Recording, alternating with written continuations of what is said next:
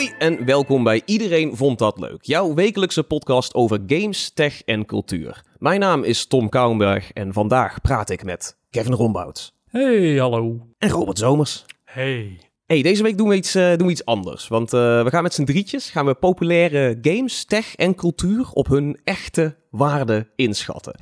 Wat vinden wij underrated en overrated? Dat is een beetje het eh, overkoepelende onderwerp van deze aflevering. Het blijft natuurlijk een kwestie van smaak, maar bereid je gerust voor op eh één of twee hete takes over waarschijnlijk één van je favoriete franchises. Eén of twee. Voordat ik, we- ik, ik wou minstens Oh. voor 21 gaan. Dat is toch Jij wel, wou voor 21, wa- hoeveel onderwerpen staan we nou op die we straks gaan behandelen? Een stuk of, eh, stuk of 20 wel. Dus minstens 21 hete Oh, takes oh. moet lukken. Dat, Oké. En nou hebben wij ja. allemaal een ongevraagde mening over. Dat Ja. eh, is Ja. een beetje thema Ja, ja. eigenlijk.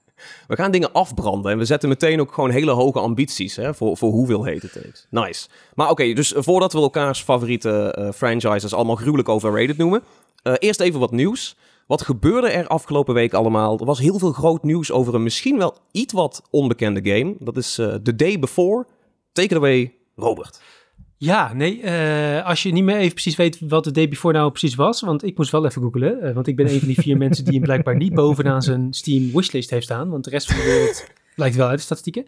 Eh, maar dat is dus een game die in 2021, als ik het goed zeg, werd aangekondigd en een soort van, ja, eigenlijk MMO The Last of Us is. Dus gewoon een grote wereld met allemaal zombies in steden, in platteland, waar je dus rond kunt lopen met je vrienden en tegen ja, andere mensen kunt vechten, maar ook tegen natuurlijk eh, infected of zombies, of hoe die dan ook heten in deze game. Ehm, en die game die zou dus ergens begin dit jaar of eerste kwartaal zou die moeten verschijnen. Ehm, en die is uitgesteld. En toen kwam er eigenlijk een hele soort van geruchtenmachine op gang dat die game eigenlijk helemaal niet eh, zou bestaan. Ja, het is een beetje... ehm, het sentiment nu online is, dit is een scam, toch? Dit Ja. is een scam. Ja, dit is gewoon. eh, hier hebben mensen geld ingelegd, hebben hun tijd ingestopt en eh, eh, hype voor geweest. Terwijl die gewoon. Ja, denken- mensen denken dus oprecht dat die game niet bestaat. Dus, nou goed. Er zijn allemaal journalisten opgedoken, er zijn allemaal mensen opgedoken om te kijken van. eh, eh, wat is hier nou eigenlijk aan de hand? Eh, het internet is meteen van. is eruit. Deze game gaat er niet komen. Dit bestaat niet. Dit is, we zijn opgelicht. Nou, het beeld lijkt tot nu toe iets genuanceerder te liggen dan dat. Ehm, ze zijn een beetje verwikkeld in een soort van ja, patentengevecht lijkt het. Want iemand anders heeft de naam The Day Before eh, vastgelegd. En daardoor zouden zij nu de game niet mogen uitbrengen. Eh, terwijl die al wel op Steam staat. En, of nou ja, nu weer even niet. Maar Ja, hij is is- nog steeds niet te vinden op Steam. hij is niet meer te vinden op Steam. Nee, dus dat is wel Ja. een dingetje. Eh, en dan zijn er ook wel weer berichten dat ze zeg maar al wel bezig waren met die patenten. Dus waarom hebben ze ze nu dan niet? En toen bekwamen de mods uit de Discord van eh, eh, Fantastic, de, de, de ontwikkelaar. Van ja, we hebben eigenlijk ook nog niks van die game gezien. Eh, dus hoe zit dat eigenlijk? Dus ja, gewoon eigenlijk best wel een raar verhaal. Je, je Ehm. zou toch denken dat je eerst die naam checkt voordat je trailers en Steam-pagina's en dat soort dingen de wereld ja, wat ik vooral bij het lezen van dit bericht, want ik, had, ik, heb die trailer ook gezien destijds. Denk ik, oh, dat, dat lijkt me zo vet. We zien wel wat daarvan komt. Eh, en nu kwam die weer boven. Denk ik, oh ja, wat was dat ook alweer? Eh, maar die hele studio lijkt dus een soort van half op vrijwilligers te draaien, die dan een soort van vrijwillig die game ontwikkelen.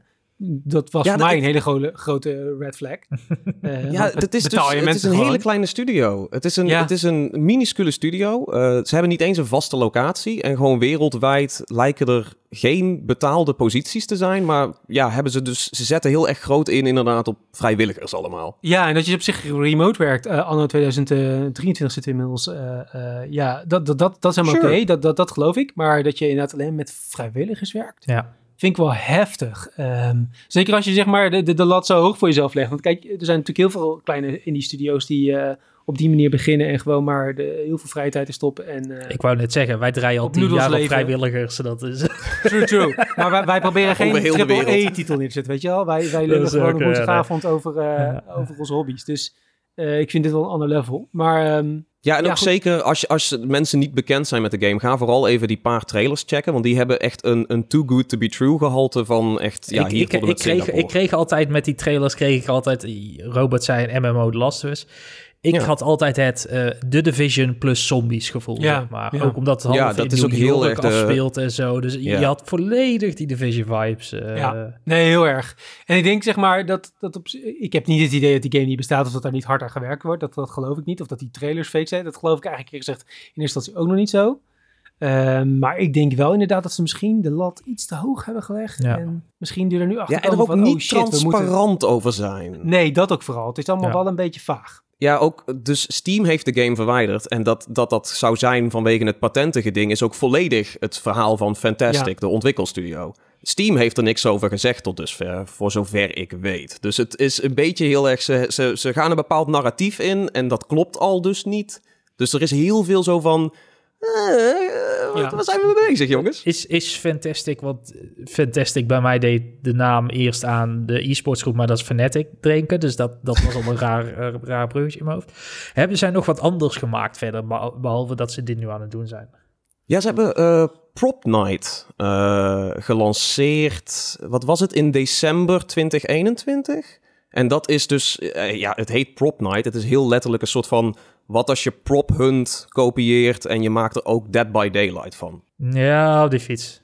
Die game heeft het volgens mij eventjes goed gedaan in een soort van Twitch-momentum. Ja, dat toch wel wat mensen ja. daarnaar keken. Maar eh, ik, van ja, wat ik nu lees op, weet je wel, de Steam-fora en zo. Het, het lijkt vrij dood. Ze hadden die game nog veel langer, veel groter moeten ondersteunen. Ehm, ja, dat loopt niet super of zo. Dus dat geeft ook niet het gevoel alsof dit project, weet je wel, zo'n grote The Day Before, dat dat in goede handen is. Dit klinkt iets als was een kleine studio voor jaren kan gaan ondersteunen. Inderdaad, dit is... eh, Ja, ja, ja, dat, eh, ja.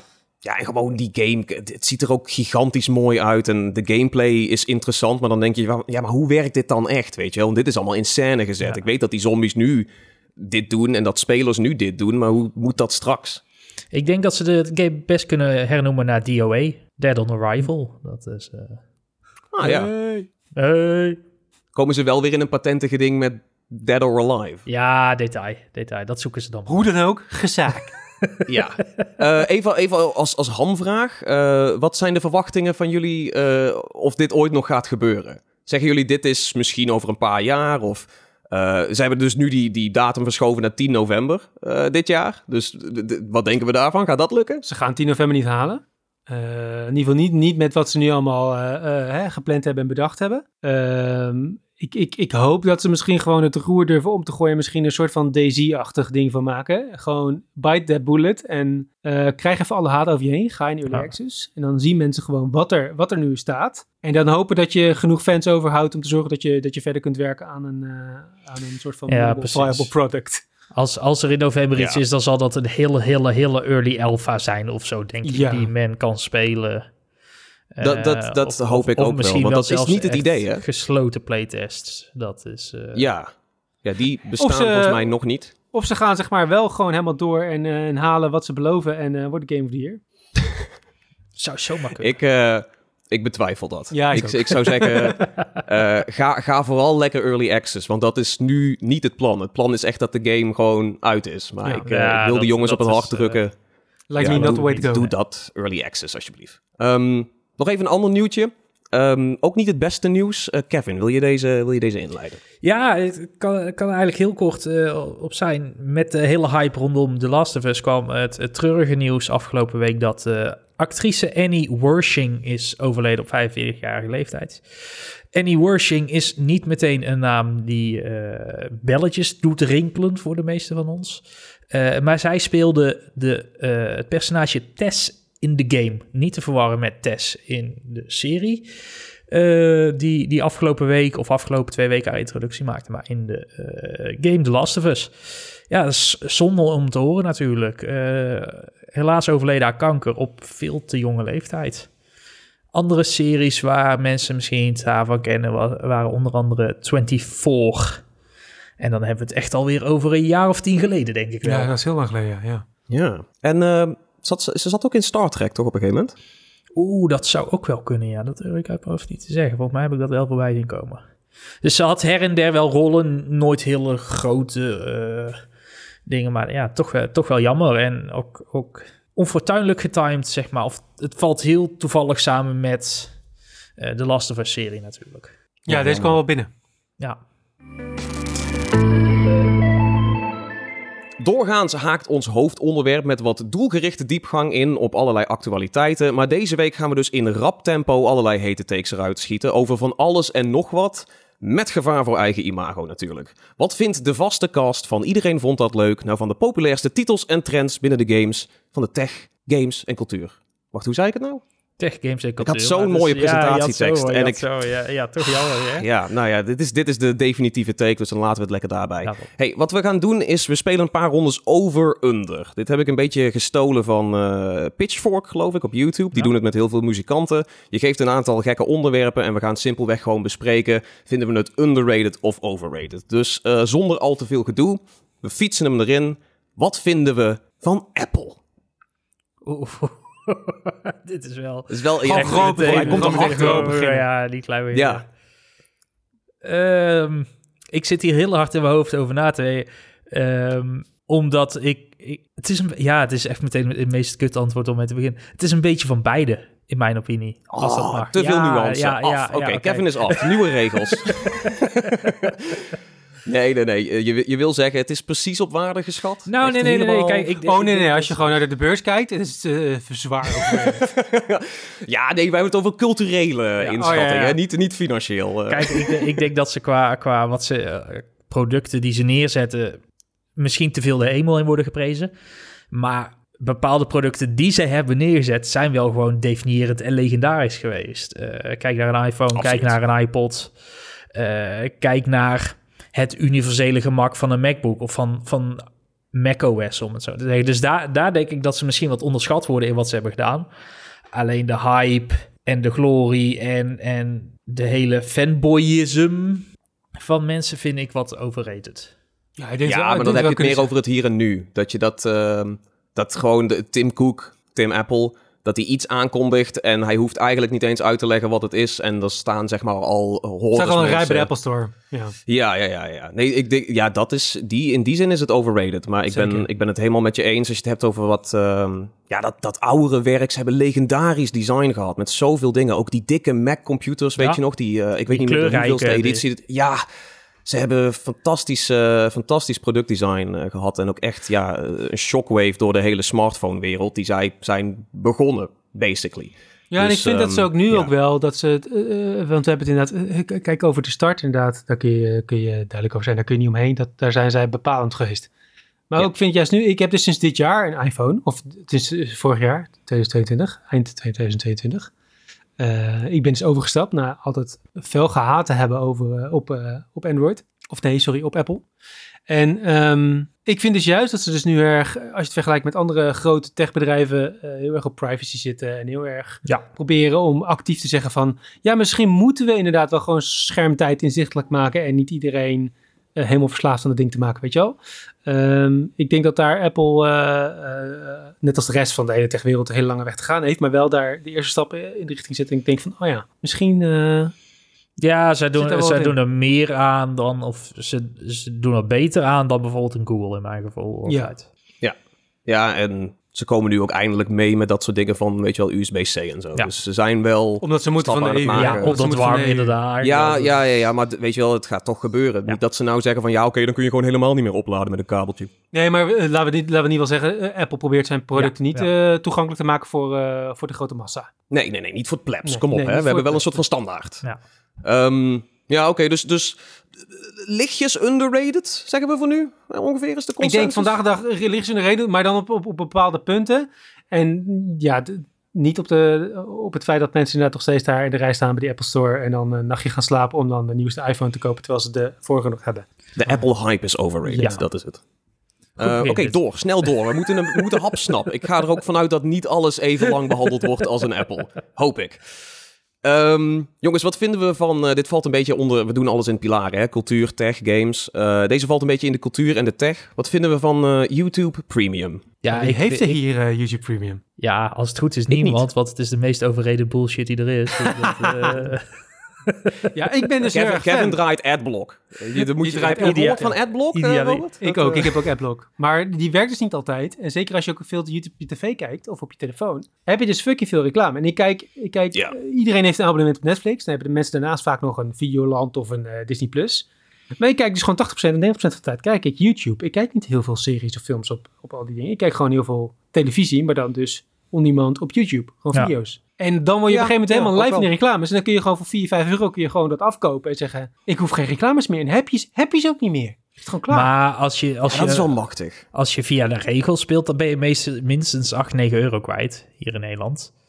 Eh, om nog maar te zwijgen over het eh, YouTube Premium met muziek eh, erbij, dan ben je voor mij al 13 euro kwijt. Oh, dat zat, dacht Oef. ik nee. Maar oké. Maar dan nog denk ik, als, als je ziet wat mensen voor Netflix betalen en een andere streamingsdienst en hoeveel tijd eh, in Ja. verhouding je besteedt aan YouTube, vind ik het YouTube Premium abonnement echt underrated. Omdat zeg maar, reclames er gewoon weg, hè? Gewoon, Ja, maar nee, dat is, dat is terecht. Ja, zeker, zeker als je veel... Ik zit nou ook wat vaker dingen te kijken op een Shield-televisie.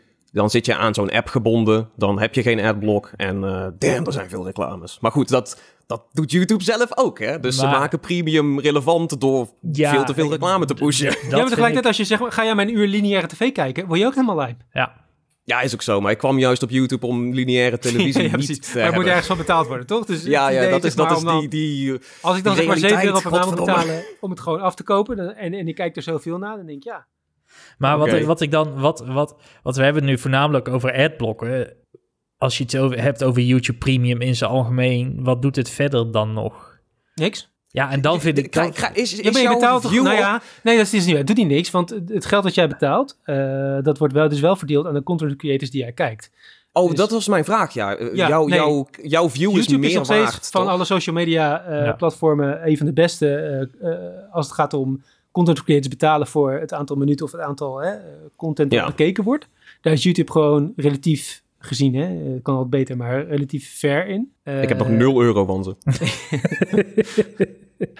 Dat is een andere, een andere Ja, een andere podcast. andere podcasten. Maar eh, ja, eh, als je dus zeg maar heel veel eh, YouTube Premium kijkers hebt, dan eh, de, de, de grote, in ieder geval de grotere kanalen melden dat wel. Van ja, we krijgen wel gewoon betaald. We hebben net zo lief dat Oh, jij... ik, de- mijn marketing Premium- doet het fout.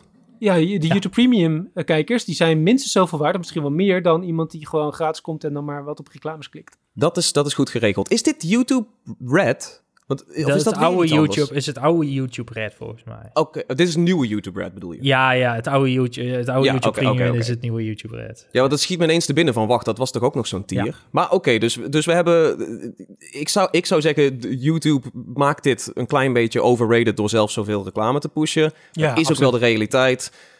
Eh, Robert vindt het mild underrated. Maar wel als je het voordelig kan krijgen, toch? Als het even kan wel, ja. ja. Ja. VPN kan een hoop uitmaken, laat ik het daarop houden. heel, heel netjes eh uh, maar ook- eromheen eh, ook als zeg maar- En een goed om een VPN-sponsor te krijgen. Ja, NordVPN Slim. of eh, Proton VPN of eh ons. Oh, ik had al een mailtje klaarstaan naar Surfshark, maar dat, eh, ja, dat komt mag ook. Kun je meteen alles Wie de van. Crunchyroll zien. ja, ja, precies.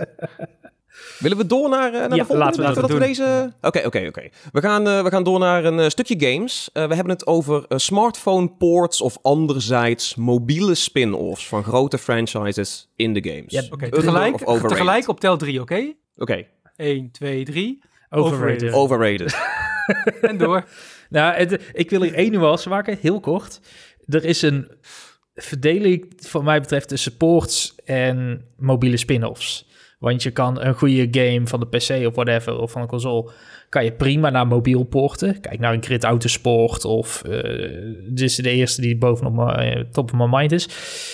Maar je hebt ook gewoon mobiele spin-offs, zoals die Rainbow Six games, die mobiel spin-off zijn, die eh, gewoon helemaal kut zijn. Dus daar, daar zit nog wel wat nuance, zeg maar. En dan, Toevallig Apex Legends, wat vanochtend de, de mobiele Ja, poort ja. is gekild. Ja, Oké, misschien hadden we hem anders moeten verwoorden. De, de hype van uitgevers om zo snel mogelijk smartphone shit eruit te pushen. Oh, dat was misschien meer het onderwerp. Ja, totaal overrated. Ja, ja, ja. Maar inderdaad, je hebt, je hebt wel gelijk. Er zat, er zat wat meer nuance in. Maar eh, van ons hoeft het dus niet altijd maar zo een Nee. push op, eh, op eh, mobile. Verzin wat origineels. Ja. Do you guys ja. don't have phones or something? Ja, precies. Ehm, Oké, door naar een stukje tech. Eh, dit is al een keer een klein beetje, hebben we dat eh, aangeraakt dit. Maar we zijn er niet echt eh, over uitgekomen. Maar eh, Tesla. Under of overrated? Ja, overrated. En mag het niet over het aandeel hebben, hè? Nee, Nee. niet over het aandeel. Over de auto's, over de producten. Ja, maar nu zijn het aandeel en het culturele eh, element waarschijnlijk wat meer in lijn. Dat we dat allebei overrated vinden nu. Ja, Ja. Nee, ik, ik, ik wil eigenlijk hier wel een land spreken. Ehm, ik zag laatst een eh, video van eh, de eh, content creator op YouTube, eh Marquez. Ja? Ehm, en die had een video over de, de Tesla Roadster. En Ja. hoe die dus, Ja, ja. die had hem dus zeg maar gewoon... eh, Die heeft hem al jaren in pre-order staan. Nee, de Tesla Roadster, dat is de eerste auto eh, Oh, die ja, ja, Tesla ja, heeft sorry, gemaakt. ja, Niet de ja, ja. Voordat überhaupt eh, Tesla eh, eh, door Elon Musk Ja. eh, beïnvloed werd, hè, voordat hij met Ja, zijn tengels gaan ging zitten. Eh, een hele lichte versie eigenlijk van de, van de Lotus, van de Lotus Elise. En ehm, eigenlijk een heel bijzondere auto, die zeg maar ook gewoon nog een schakelpook had. Terwijl in een elektrische auto hoef je niet te schakelen. Nee. Eh, maar dat ze dus eigenlijk die auto helemaal omgebouwd hebben om dus een elektrische auto te zijn. Heel licht, heel, helemaal van carbon en prachtig Ook eigenlijk. echt, dit is een sportauto. Ook echt, Ja. Echt een sportauto, ja, ja. Ja. Niet, niet, eh, niet het idee om je kinderen mee naar school te brengen, zeg maar. Dat kan er ook niet Nee, mee. Eh, want waar gaan ze zitten op het dak? Maar wel het Waarom idee niet? van een, een, een elektrische auto die licht is Ja. en die eh, eh, toegankelijk, of nou niet per se toegankelijk dus, maar wel die heel licht is en dus klein is en niet per se die enorme tanks die Tesla nu bouwt, zoals die Model X. Dat, is gewoon, dat slaat helemaal nergens op. Zeker niet voor de Europese wegen. Nee. En ik denk zeg maar dat, dat als je naar dat oorspronkelijke idee kijkt en kijkt wat Tesla een beetje veroorzaakt heeft daarna, even los dus van wat, wat Musk daar allemaal mee te maken heeft, dan denk ik dat, eh, dat Tesla misschien over een paar decennia eh, wel beter gerated wordt dan nu. Want ze hebben wel ervoor gezorgd dat we opeens een eh eh, Ja, de, ze hebben de, de- hebben Oh, waar ja. je kunt laden. Want dat, de- dat netwerk, ja. dat is echt... Ja. Zeg, dus Ja. zeg maar de Tesla-auto's zelf zwaar overrated, want ze vallen uit elkaar of, of ze, zijn, eh, ze voldoen niet aan heel veel standaarden. eh, na de Roadster dan. En eh, ja, daar zeg ik dus van, nou ja, trek je niks. Maar als, als concept van Het elektrisch rijden, dat dat kan, dat heeft Tesla wel gewoon even ingezet. Nee, helemaal mee eens. De, de, de, de soort van shockwaves die het heeft doen ontstaan, fantastisch. Maar het, het huidige koers en de dingen die ze Ja. doen, denk ik, Nee, mild, mild overrated. Eh, door. Eh, stukje cultuur, tevens een stukje tech. Wat vinden we van die eh, wazige 4DX bioscoopervaringen? Verbieden. Want Ik, ik, Ja, Dit, is, dit moet echt verboden worden. Dit is, Hier hoeven we denk ik niet lang over te... te de- wat is dit fake? Dit voelt zo cheap, alsof je in een of andere jaren 90 Disney ride zit. ja, Ik dat om die film inderdaad. te Als, checken, als, weet als je ik aan 4DX denk, dan denk ik aan Honey, I Shrunk the Kids in 4D, die ik ooit in Disneyland heb gezien, inderdaad. Ja. Met van die flapjes onder je stoel om dat te doen. Alsof de Panda-droom in de langs, eh, Efteling. ja. Ja. ja, die is trouwens best wel lid. Die is wel Eh, lid, ja. Maar daar ja, betaal je ook die- niet 23 euro voor een kaartje en krijg je allemaal brillen Nee. en dingen die je niet wil. Nee, nee, nee. Dan ga je daarna gewoon in de... In, in, Ik, in, ik voel hier diep zittende in de emoties. We gaan door. Nee, oké, oké. 4 Niemand wil 4DX dit. niet. Pan, Panda-droom wel. Wel, ja. Panda, Iedereen vond de droom Panda-droom underrated. 4DX, Ja. shit, overrated. Ja, Panda-droom aan de truffels. Nee, ik ga het daar laten. Ehm, door. Eh, een stukje tech slash games. Ehm, monitoren die, zo, die inzetten als van die e-sports monitoren. Weet je wel, meer dan 144 hertz en eh, zo, zo laag mogelijke responstijden. De ver, ver onder de 1 milliseconde. Over of underrated. Overrated. Ja, overrated. Ja, mijn, Misschien mijn zijn wij te oud. bij... Maar ik zie Nee, niet meer ik- boven 120 gigahertz. Ehm, d- dat, dat deels, dat is ook oprecht een, een ding hieraan. Ehm, ik vind, ze, ik vind de, de focus van de fabrikanten overrated. Ik wil niet Ja. zeggen dat die schermen per definitie overrated zijn. Er zijn mensen die iets hebben aan die bizarre snelheden. Maar eh, laten we wel wezen, het gros van de gamers gaat echt niet dat verschil merken eh, tussen die, eh, wat is het, 0,001 milliseconden en dan weer net 1 tiende verder.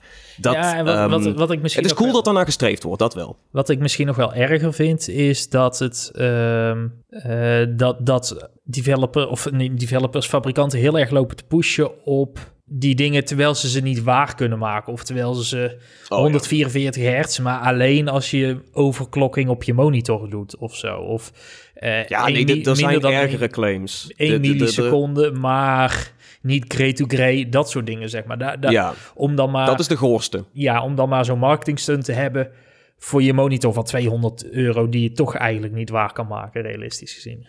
Ja, dat is, Nee, dan, nog, dat, is ja. dan nog het ergste, denk ik. Ja, maar ik zou ook zeggen, voor die monitorfabrikanten, het hoeft niet allemaal zo e-sports mogelijk te zijn. Nee, De- zeker die, niet. Die, die gasten, dat zijn er echt maar een paar duizend op de hele wereld die daar echt iets aan hebben. Laten we wel wezen. Ja, zorg dan ook gewoon dat je producten daarna geprijsd zijn, weet je. Eh, Ja. Het is, is hetzelfde een beetje met, met, met waar ik dan wel meer in zit, race-sturen, dat soort dingen. Ja, er er zijn prachtige race-sturen, maar degene die er echt wat aan hebben, dat zijn de mensen die er professioneel mee werken of die echt professioneel racen. En bij ra- Ja. is het ook wel van als je daar zeg maar echt de dure koopt dan als amateur, dan wordt ook gewoon je arm uit de kom getrokken. Ja, ja, ja, zeker, zeker. Dat moet je niet, eh, dat moet je niet doen. Het is gewoon fitnessapparatuur. Let's Bijna go. wel, ja. Met je armen van. Nee, oké, dus, dus ehm, consensus is eh, vrij, ja. vrij overrated. Ja. Ja. ja. Ehm, games. Dit is een hete, maar dan wel van drie, vier jaar terug. Ehm, het Battle Royale genre. Ah ja. Ja, Het is nog steeds wel, het is nog steeds, het is niet meer zo hip en happening, maar het is ik denk dat hij op dit moment trend. precies goed zit. Ik denk dat hij, we, Ja. hebben, we hebben genoeg Battle Royale. Want ik ben, eh, laat ik vooropstellen, ik ben heel erg fan van dit genre. Die, die, die, die eh, PvP-gevechten, die online multiplayer-gevechten, waarbij je gewoon die soort van die onberekenbaarheid hebt. Van je weet gewoon Ja. niet wat er gaat gebeuren, omdat je die er twee gedropt wordt en wat je vindt. Vind ik heel leuk. Ehm, maar we hebben natuurlijk wel heel veel op een gegeven moment games gehad. Dat, dat Ja. elke uitgever zoiets had van, we moeten een Battle Royale. eh, tot, tot vervelens aan toe. En ik denk dat we nu een soort van, eh, dat het een beetje geconsolideerd is. Dat we zoiets hebben van, ja, nou zitten we op een punt waar, eh, waar er een aantal hele goede zijn. En daar kunnen we mee uit. Dat, Ja. Volgens mij is het gewoon Ja, ik denk nog wel steeds dat het een beetje overrated is. Want ik denk dat stiekem best nog wel wat uitgevers of met het idee spelen of nog aan games werken, nog om het... Maar dat het- mag. Want het- het- ik heb wel het idee dat er nu is er een kans voor iemand om echt een leuke swoon, een nieuwe draai erin te vinden en, en het weer net een extra boost te geven. Dat eh, vind ik niet heel gek. Ik denk dat, dat ze, ze moeten er wel mee bezig blijven, of ja, moeten. Je, je mag er nog mee bezig Ja. blijven. Maar het hoeft niet meer zo inderdaad, wat, wat Robert zei, die push, dat, dat iedereen het ineens moest. Eh, iedereen moest er eentje hebben. Er, er zijn toen twee E3's geweest dat iedereen echt zo... Ja. We have it. Battle Royale. oeh." Eh, dat hoeft niet meer. Heeft eh, Ubisoft eigenlijk een eh, Battle Royale? Hyperscape. Hadden ze inderdaad. eh, Rest in peace. precies. Rest in peace. En, en, en volgens mij zijn ze nog, ja, die, ja, nee, wordt het Battle Royale? Ze zijn nog bezig aan die Division spin-off, Heartland. Volgens ja. mij wordt dat half Battle Royale, half survival. Ik denk dat dat wel een beetje met DMZ te vergelijken is. Ah, Ja, misschien dat dat meer die kant op gaat, ja. Wat Ja. ik dan overigens wel weer een prima spin vind op het recept. Standaard Battle Royale is echt niet mijn ding.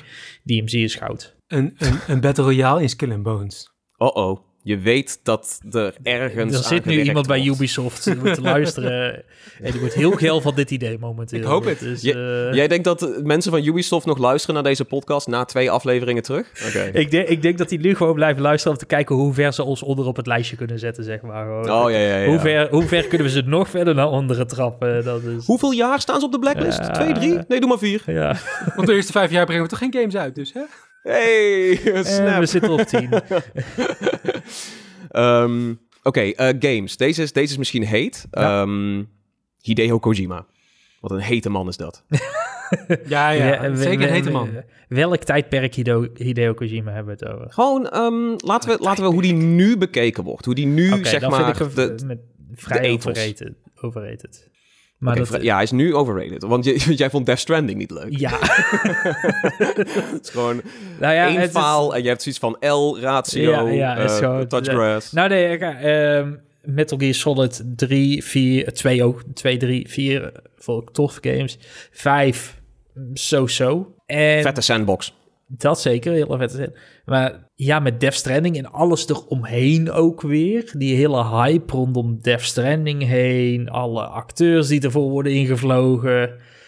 Het is allemaal too much voor mij momenteel, wat, wat Hideo Hmm. aan... Hij is misschien te, te veel in zijn grandeur terecht Maar gekomen. dat is natuurlijk ook wel een beetje zijn ding. En hij weet het volgens mij ook wel van ja, maar zichzelf. eerst, eerst was het wacky en nou is het gewoon van... Narcistisch. Look at me, bitches. Zeg maar. dat, Dat, is het sowieso. Het is sowieso een beetje narcistisch. Ja, eh, Ja, dat, ja. Dat, ik, ja, ik vond dat wacky volk op zich er wel gaan. Maar dat, ja, dat, dat compleet verwesterde, zeg maar, wat je nu hebt, dat, dat, dat, ja, dat dik ik niet zo bij Hideo Kojima. Jij wil hem eigenlijk weer terug naar, weet je wel, Metal Gear Solid 2. Niet Ja. zoveel grote sterren, wacky shit. Die Je bent Japanse gewoon een weep. gekheid, gewoon, ja, Ja. dat inderdaad, Ja. weet je. eh, Lees mijn memory card. Vertel iets over mijn speelgedrag. ja, dat. Doe iets geks. Ja. Oké. Maar voor, voor nu, at the moment dus Overrated. mild, mild overrated. Wil niet zeggen dat hij dat hij geen mooie dingen maakt trouwens of zo, hè? Maar goed, get in de comments of zo. Ga, ga stuur je haatmail Ja. voor al onze hete takes. Dus we stuur, graag, stuur, stuur je haatmail at Tom Kou op Twitter. Dat is, Publiekelijk on blast, let's go. We, we, we dealen ermee op de Twitter-sfeer. Eh, of kom langs in onze Discord van Pixel Vault, Ja. jongens. Daar, daar kunnen we gewoon het nog, nog urenlang hebben over al deze dingen. Ehm, door naar een ander stukje games. We hebben een randomizer er doorheen gegooid, maar er komen nu ineens heel veel games. Ehm, Half-Life. En of de hype voor een Half-Life 3. Laten we het meer zetten op wat we vinden van een, de hype voor een Half-Life 3 nu. Ja, ik denk precies goed. Ik denk, ik denk dat je daar alleen maar eh, hyped over kunt zijn. De meme En ook lekker, dat, we, dat we daar ook lekker met z'n allen hyped over moeten ook- blijven. ook Want ik al- denk ook namelijk als dat hij die game nooit niet komt? gaat komen. Die, die- Ik denk dat hij nooit gaat komen. Dus ik Nee. vind het redelijk Oké, maar overrated wacht, wacht. misschien wel dan. Oké, dus Kevin zegt hij komt nooit, want dat was wel mijn vraag. Van als je, als je denkt dat hij nooit meer gaat komen, dan is de hype. Ik dacht, hij komt, met, eh, hij komt met zeg maar de eerste versie van VR. En toen kregen we Half-Life Alex. Dus, eh, ja, maar dat, dat zien we niet, dat is niet kennen. Nee, maar ik dacht zeg maar met, met de, weg waar, waar, waar Valve op zat. En waar ze zoiets hadden, hè, met hun visie van... eh, eh, Half-Life moet wel een soort van ergens iets, iets, iets Ja. game-breakend zijn. Ja, ja, ja. Eh, dat gaan we niet meer zeg maar op PC krijgen nu. Met gewoon PC-gaming, dat, dat gaan we gewoon niet worden. Gewoon, nee, dus had, het had, het, had het me inderdaad of op VR of met de Steam Deck, weet je. Dan breng je zo'n dat apparaat. had nog dat- gekund. Ja, Maar Ja. ook die, die hebben ze compleet laten passeren. Dus ik denk dat dit gewoon... het Ze moet echt met of een hele maken- nieuwe technologie die wij nog niet bedacht hebben. Of, eh, of een soort van versie van VR waar we zeggen... Oké, maar dit is helemaal met de haptic suit en Ja. wat je in de films en in de boeken leest momenteel. Weet je wel, zoiets. Ready Player One. Ja, zo'n Ready Player One verhaal. Weet je, als dat er is, dat ze dan misschien zeggen... Nou, dan maken we nu Half-Life 3. Eh, maar anders zie ik het niet meer gebeuren. Ze maken Oh, gewoon is, geen eh, games met een 3 erin, punt. Dat gaat gewoon Dat niet. is wel hun, hun trope natuurlijk. Nee, ik denk gewoon Half-Life 3 is een ontwikkeling voor eh, Elon Musk's een eh, brain chip. Oh ja, Die, ja, A- dat- die ja, apen, ja, ik ja, zweer, ja, die zijn ja. al aan het playtesten. Oké, ehm, ja, dus, dus, dus overrated, underrated, het ligt er een beetje aan wanneer die game gaat komen, maar dat is, dat is unfathomable. Ja. Ehm, Oké, door. E3. Dit is een eh, heet hangijzer. zeker, zeker nu. Even voor de beeldvorming. De geruchten gaan nu dat zowel Nintendo, PlayStation en Sony eh, niet op E3 zijn dit jaar. Eh, mogelijk wel dingen doen met Summer Game Fest of in de buurt, maar in ieder geval niet meer, weet je wel, die grote gamebeurs. eh, die Microsoft zo, heeft zo er zelf een hebben. fucking arena om de hoek zitten. Waarom zou je in hemelsnaam nog wat met E3 doen? Het is letterlijk tegenover. Ja, je kunt, je kunt je, als je, het is nog geen drie minuten lopen en dat is gewoon eh, astronomisch klein eh, voor Amerikaanse termen. Ehm, maar ja, E3, under of overrated dan? Ja, overrated in mijn optiek. Maar dat is de Ja, afgelopen vijf, zes jaar al. Eigenlijk net zoals de rest van Amerika gewoon eh, overrated. En eh, ja, nu niemand meer naar E3 gaat. De Amerikanen zijn er zelf al achter. Ja. Ze gaan Ja, gewoon shots fired. Nee, ik, denk- ik denk, dit, dit klinkt misschien heel gatekeepy, maar het, ik, eh, ik denk dat E3 nog heel veel allure had eh, toen het ook nog echt press-only was. Mm. Eh, en Ja. ik denk dat die, dat die allure ehm, met het openstellen een heel stuk is weggegaan. En ook gewoon de afgelopen jaren, eh, ook voor corona al, uitgevers die zich terugtrokken. De astronomische prijzen die worden gevraagd. Ja, Het, ehm, wat de ESA allemaal geflikt heeft, het, Ja. het organiserende orgaan, eh, ook het lekken van eh, duizenden adressen van, van oh journalisten. ja, ja, ja. Dat zat er ook nog eens een keer tussen. Ik zeg ehm, E3 als in de, de beurs, de, de, ehm, de organisatie overrated, de hype eromheen. Het moment zo, zelf. Ja, dat, dat zomers, eh, we komen samen. En zeker in Nederland, ik denk dat heel veel gamers ook opgegroeid zijn met, met weet je wel, opblijven, met Ja, z'n allen ja, ja. kijken naar die persconferenties. Dat is geen sinds overrated. En ik denk ook dat dat blijft bestaan als E3 eh, ten onder gaat. En dat voorzie ik ook wel trouwens gebeuren in Ja. de komende paar jaren. Ik denk dat meneer Keely nog heel wat stappen gaat maken de komende jaren. Ja, dat is echt een persoonlijke Die is vendetta. ook hè? overrated. Ja, is wel overrated, maar wat ja, hij laten we die er ook meteen uitklappen. Ja. Maar dat wisten we al. Keely is een beetje... Dat is geen goede Ja. vervanging. Nee, nee, Nee. maar hij, hij, hij maakt E3 volgens mij wel kapot... omdat hij persoonlijk eh, offended eh, was door de ESA. Ehm, en dat, you love to see it. Toch iemand die gewoon op een soort van venge path, vengeful path is of zo. Dat is... Eh, ik weet niet, ja, het voedt me wel een klein beetje... ook Ja, al heb ik ja, ook niet ja, hoog ja. zitten. Ehm, Oké, eh, zullen we daarbij laten voor E3? Game Pass. Die van Xbox. Ik weet dat er waarschijnlijk is wordt Game Pass wordt zo'n wordt zo'n Er merknaam die uiteindelijk meer een gewoon soort maar van één Game Pass. Dat is Ja. wel gewoon het, Ja, ja, de oké. Game Pass. Ja, nee, dat is Ja. wel gewoon een ding. Ja, ik denk dat die nog steeds eh, best wel underrated is. Ik denk dat Ja. wel steeds meer mensen het aan het ontdekken zijn. Eh, en, en Xbox zet natuurlijk qua marketing als ook volop in. Eh, maar ik denk af en toe wel eens na van als ik dit zeg maar toen ik 15, 16 was had gehad. dat die optie had. ja. Had ik nooit illegaal hoeven downloaden.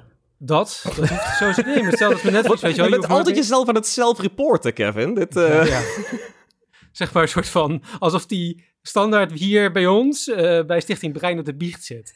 het is gewoon therapeutisch, weet je. Ja. Even alles eruit. Het is gewoon Ja, mijn ja, wekelijkse ja. sessie, jongens. Ik voel me zo eh, schuldig. Het was Age of Empires Kuik, 3 en ik wou hem hebben.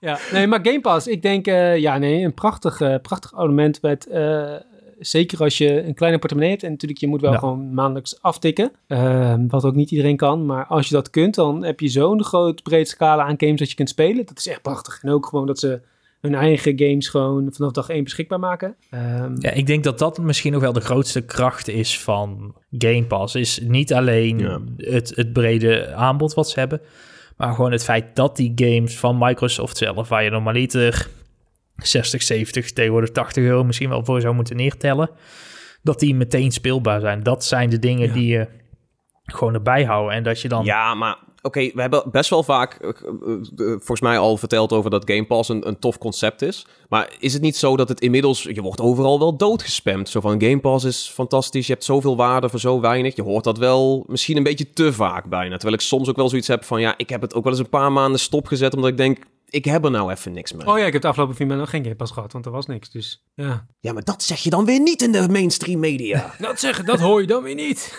Nee, dat, dat Phil Spencer heeft de NOS afgekocht. ja, kon niet dat maar. Eh, Nee, ik denk dat hij dat het kan. allemaal game news, weet je wel? Dat Jeroen Wollaar zeg maar allemaal gewoon game nieuwtjes moet gaan zitten presenteren. Of Oh, hell yeah. NOS. Ja, Ja, we zijn op reportage naar de nieuwe Minecraft Legends. ja. Justine heeft zeg maar een super groot kasteel gebouwd, super vet. Kijk hier, het Rijksmuseum in Minecraft. Minecraft, ja. Nou, dit zal vast een keer een item zijn geweest, een aantal jaar Bij geleden. Royale. Ja, daar hoeft veel Ja. Spencer niet voor te betalen. Nee, maar ik, ik denk waar, waar, ehm, waar Game Pass underrated is in verhouding tot de rest, zijn gewoon die, die first-party games. Kijk, Ja. ehm, Ubisoft, nou ja, Ubisoft slecht voorbeeld, want die heeft alleen maar first-party games. Maar Sony en Nintendo hebben ook een iets wat equivalent. Ehm, Sony doet geen first-party titels, in ieder geval het eerste jaar of langer niet. En Nintendo heeft alleen maar zijn oude collectie, zeg maar, en dan wat gratis DLC. Die Ja, hun games verkopen namelijk gewoon. dat is zwaar. Zwaar. Ja, Zo simpel is het. Fair. En, en twee maanden Game Pass is een heel jaar Nintendo natuurlijk. Dat is ook wel... eh, Ja, ja dat het prijsverschil is wel flink. Ja, Game Pass ook wel natuurlijk heeft wel een aantal dingen in de rug met eh, het hele inderdaad first party, play anywhere. Je kunt die stuff Ja. streamen als je wil. Ja. Het is, ehm, ja, nee, oké. Mild underrated, kunnen we daar ongeveer eh, bij laten? Vooruit. We strepen hem af. We gaan door. Ehm, stukje tech, maar dan niet eh, zo eh, gear-achtig zoals we meestal in de games zitten. Wat vinden we van eh, smart homes? Of anderzijds Internet of Things-achtige producten, werelden? love to see it when it works. Love to see it when it works. Jij hebt een keer zo'n Philips Hue erin gedraaid en dan ging die automatisch aan toen je klapte. Dat is iets van, Nee, nee, nee, nee. eh, er moet een comment tussen, zeg maar. De, love to see it. Ik, ik hou van smart home. Als, hoe meer smart home. Ik heb, van, ik heb vorige week heb ik die nieuwe dimmer van Philips Hue gekocht. Die draaidimmer, zeg maar, met vier knoppen Oh, erop. Helemaal geweldig. Daar hou ik van. Maar het moet wel werken. Want ik maar heb... werkt het niet vaak bij jou dan? Nou ja, van Philips wel. Als je het van Hue hebt, als je het goede spul hebt, dan wel. Maar ik heb ook wel eens dingen gekocht waarvan je van tevoren kan zeggen van... Ja, je weet eigenlijk al dat het kut gaat zijn. Maar toch koop je het, want het is een tientje bij de Action. Eh, en, en dan zit je weer heel de tijd van... Waarom werkt dit niet? Ja, omdat ik net een tientje maar heb betaald bij de Action. Maar er, er zit gewoon een app bij. Waarom kan die app niet gewoon meteen verbinden met die lamp? En waarom doet hij het niet? En waarom moet ik de stekker eruit trekken? En dat soort dingen, zeg maar. Dat, dat frustreert mij dan op het moment enorm bij... bij Nou, mijn grote probleem is eigenlijk dat je, het maakt namelijk niet uit of welke app je hebt. Of je die nou van Philips Hue hebt of van een eh, app bij de Action. Nou goed, bij de app van de Action is het iets groter dat die fabrikant eruit klapt. En dat je niks meer aan je smart home shit hebt. Ja. Maar dat kan bij Philips ook gewoon. Of bij Ja. Ikea. Of bij, nou ja, Google moet wel heel hard lopen. Maar Google killt zoveel eigen shit. Ja. Dat ook daar de kans heel groot is dat opeens gewoon je shit ja, die je hebt gekocht niet meer werkt. En zolang zeg maar, eh, je daar geen controle over hebt. Zolang je dus gewoon dingen ook niet lokaal kunt draaien. Dat je je lamp niet aan kunt zetten zonder dat je een hele bak data naar een, een of andere Amerikaanse techgigant stuurt. Eh, ja, blijft het het kan wel, maar dat, dat... Het kan wel, maar dat ja, is voor de... is veel werk. Dat is heel veel werk. en dan moet je een halve ja. studie vervolgen. Dat is voor de leek en voor de normale consument. Of voor überhaupt iedereen die ook zelfs een beetje tech-savvy is zelfs. eh, gewoon niet te doen. Daar heeft niemand tijd Nee. voor. En zolang Nee, dat niet een moet beetje gereguleerd wordt, eh, ja, blijft eh, smart home overrated. Gaat het niet werkbaar zijn. Oké. Nee, ik vind het, eh, vind het een goede, goede take. Ik Ja. denk, eh, ik, ga, ik ga wel mee met je, met je sentiment, Robert. Ik denk dat dit het inderdaad is. Zolang we niet een of ander consortium hebben wat iedereen eh, naar het open source trackt of naar, naar of trekt. zolang er niet iets is dat we allemaal zeggen van, hé, hey, we gaan deze protocollen wel pakken, die niet. Eh, je moet eigenlijk net zoiets hebben als, weet je wel, eh, VESA, eh, USB. eh, Nou, USB Ja, wat de EU heeft gezegd van allemaal USB-C, standaard. Gewoon, Ja, anders ja, mag je shit niet ja. verkopen hier in, eh, in, in de EU. Nou, gewoon Ja. zoiets, dat, je, dat je op die Het- manier... gewoon een consortium. Ja. Iets, iets wat ze, wat ze Nou ja, in, de- in de- één lijn trekt. eh, eh, smart home ga- is daar nu heen aan het bewegen natuurlijk. Hopen dat Matter dat gaat doen. Eh, is nog steeds een consortium waar Apple onder andere een belangrijk aandeel heeft. Google volgens mij ook. Dus het Dat is, mag het- ook. Het, is, het- er is wat van beide over te. Maar Als ze maar samenspelen. er, er wordt druk aan gewerkt dat er meer één lijn gaat komen in ieder geval. Maar tot die tijd, Ja, overrated. fair enough. Verboden. Oké, door. Ehm, Oké, deze, deze heb ik erin meegenomen. Eh, wat vinden we van eh, kabelmanagement? Compleet overrated, man. Je doet die kast aan de achterkant dicht. Houd toch op, joh. Zolang die toko toch niet in de fik Ja, vliegt, is het ook prima. kabelmanagement zeg maar buiten je PC, zeg maar. In je PC vind ik Ja, gewoon eh, kabelmanagement. Kabelmanagement heeft geen locatie. Kabelmanagement is een state of life. Ja. Robert. Ik, ben dus, ik, was dus al, ik, eh, ik had hier namelijk ook hele grote haat tegen. En ik ben sinds zo'n twee jaar denk ik een beetje om. Vroeger toen, ehm, even, even, even uit de oude doos eh opa verteld. Mijn vader bond altijd alles zeg maar om de computer heen vast met tie rips. Dus zeg maar als je dan een keer een muis los wilde halen, omdat je Moest ergens alles kapot bij je vriend, worden. moest je alles lostrekken. Weet je wel, gewoon met, met de knijptouw moest je dus alles los gaan maken. Verschrikkelijk. Ik werd helemaal gek. Dus mijn beleid was alles los, zodat je het makkelijk los kunt trekken. Maar wel met dat gevolg, alles is chaos. En sinds twee jaar heb ik zeg maar gewoon de klittenbandjes tie wraps. eh, Ja, hoe ja, je ja. De, de LTT cable ties. table, cable wraps. Zoiets, maar gewoon, ja, je, je kunt ze ook gewoon bij de IKEA kopen en weet ik veel wat. Eh, perfect. Dus even gewoon zo'n klittenbandje Ja. eromheen. En ik heb nu ook van die sleeves en zo, dat je helemaal gewoon alles helemaal netjes weg kunt werken. Gewoon, dat is even werk.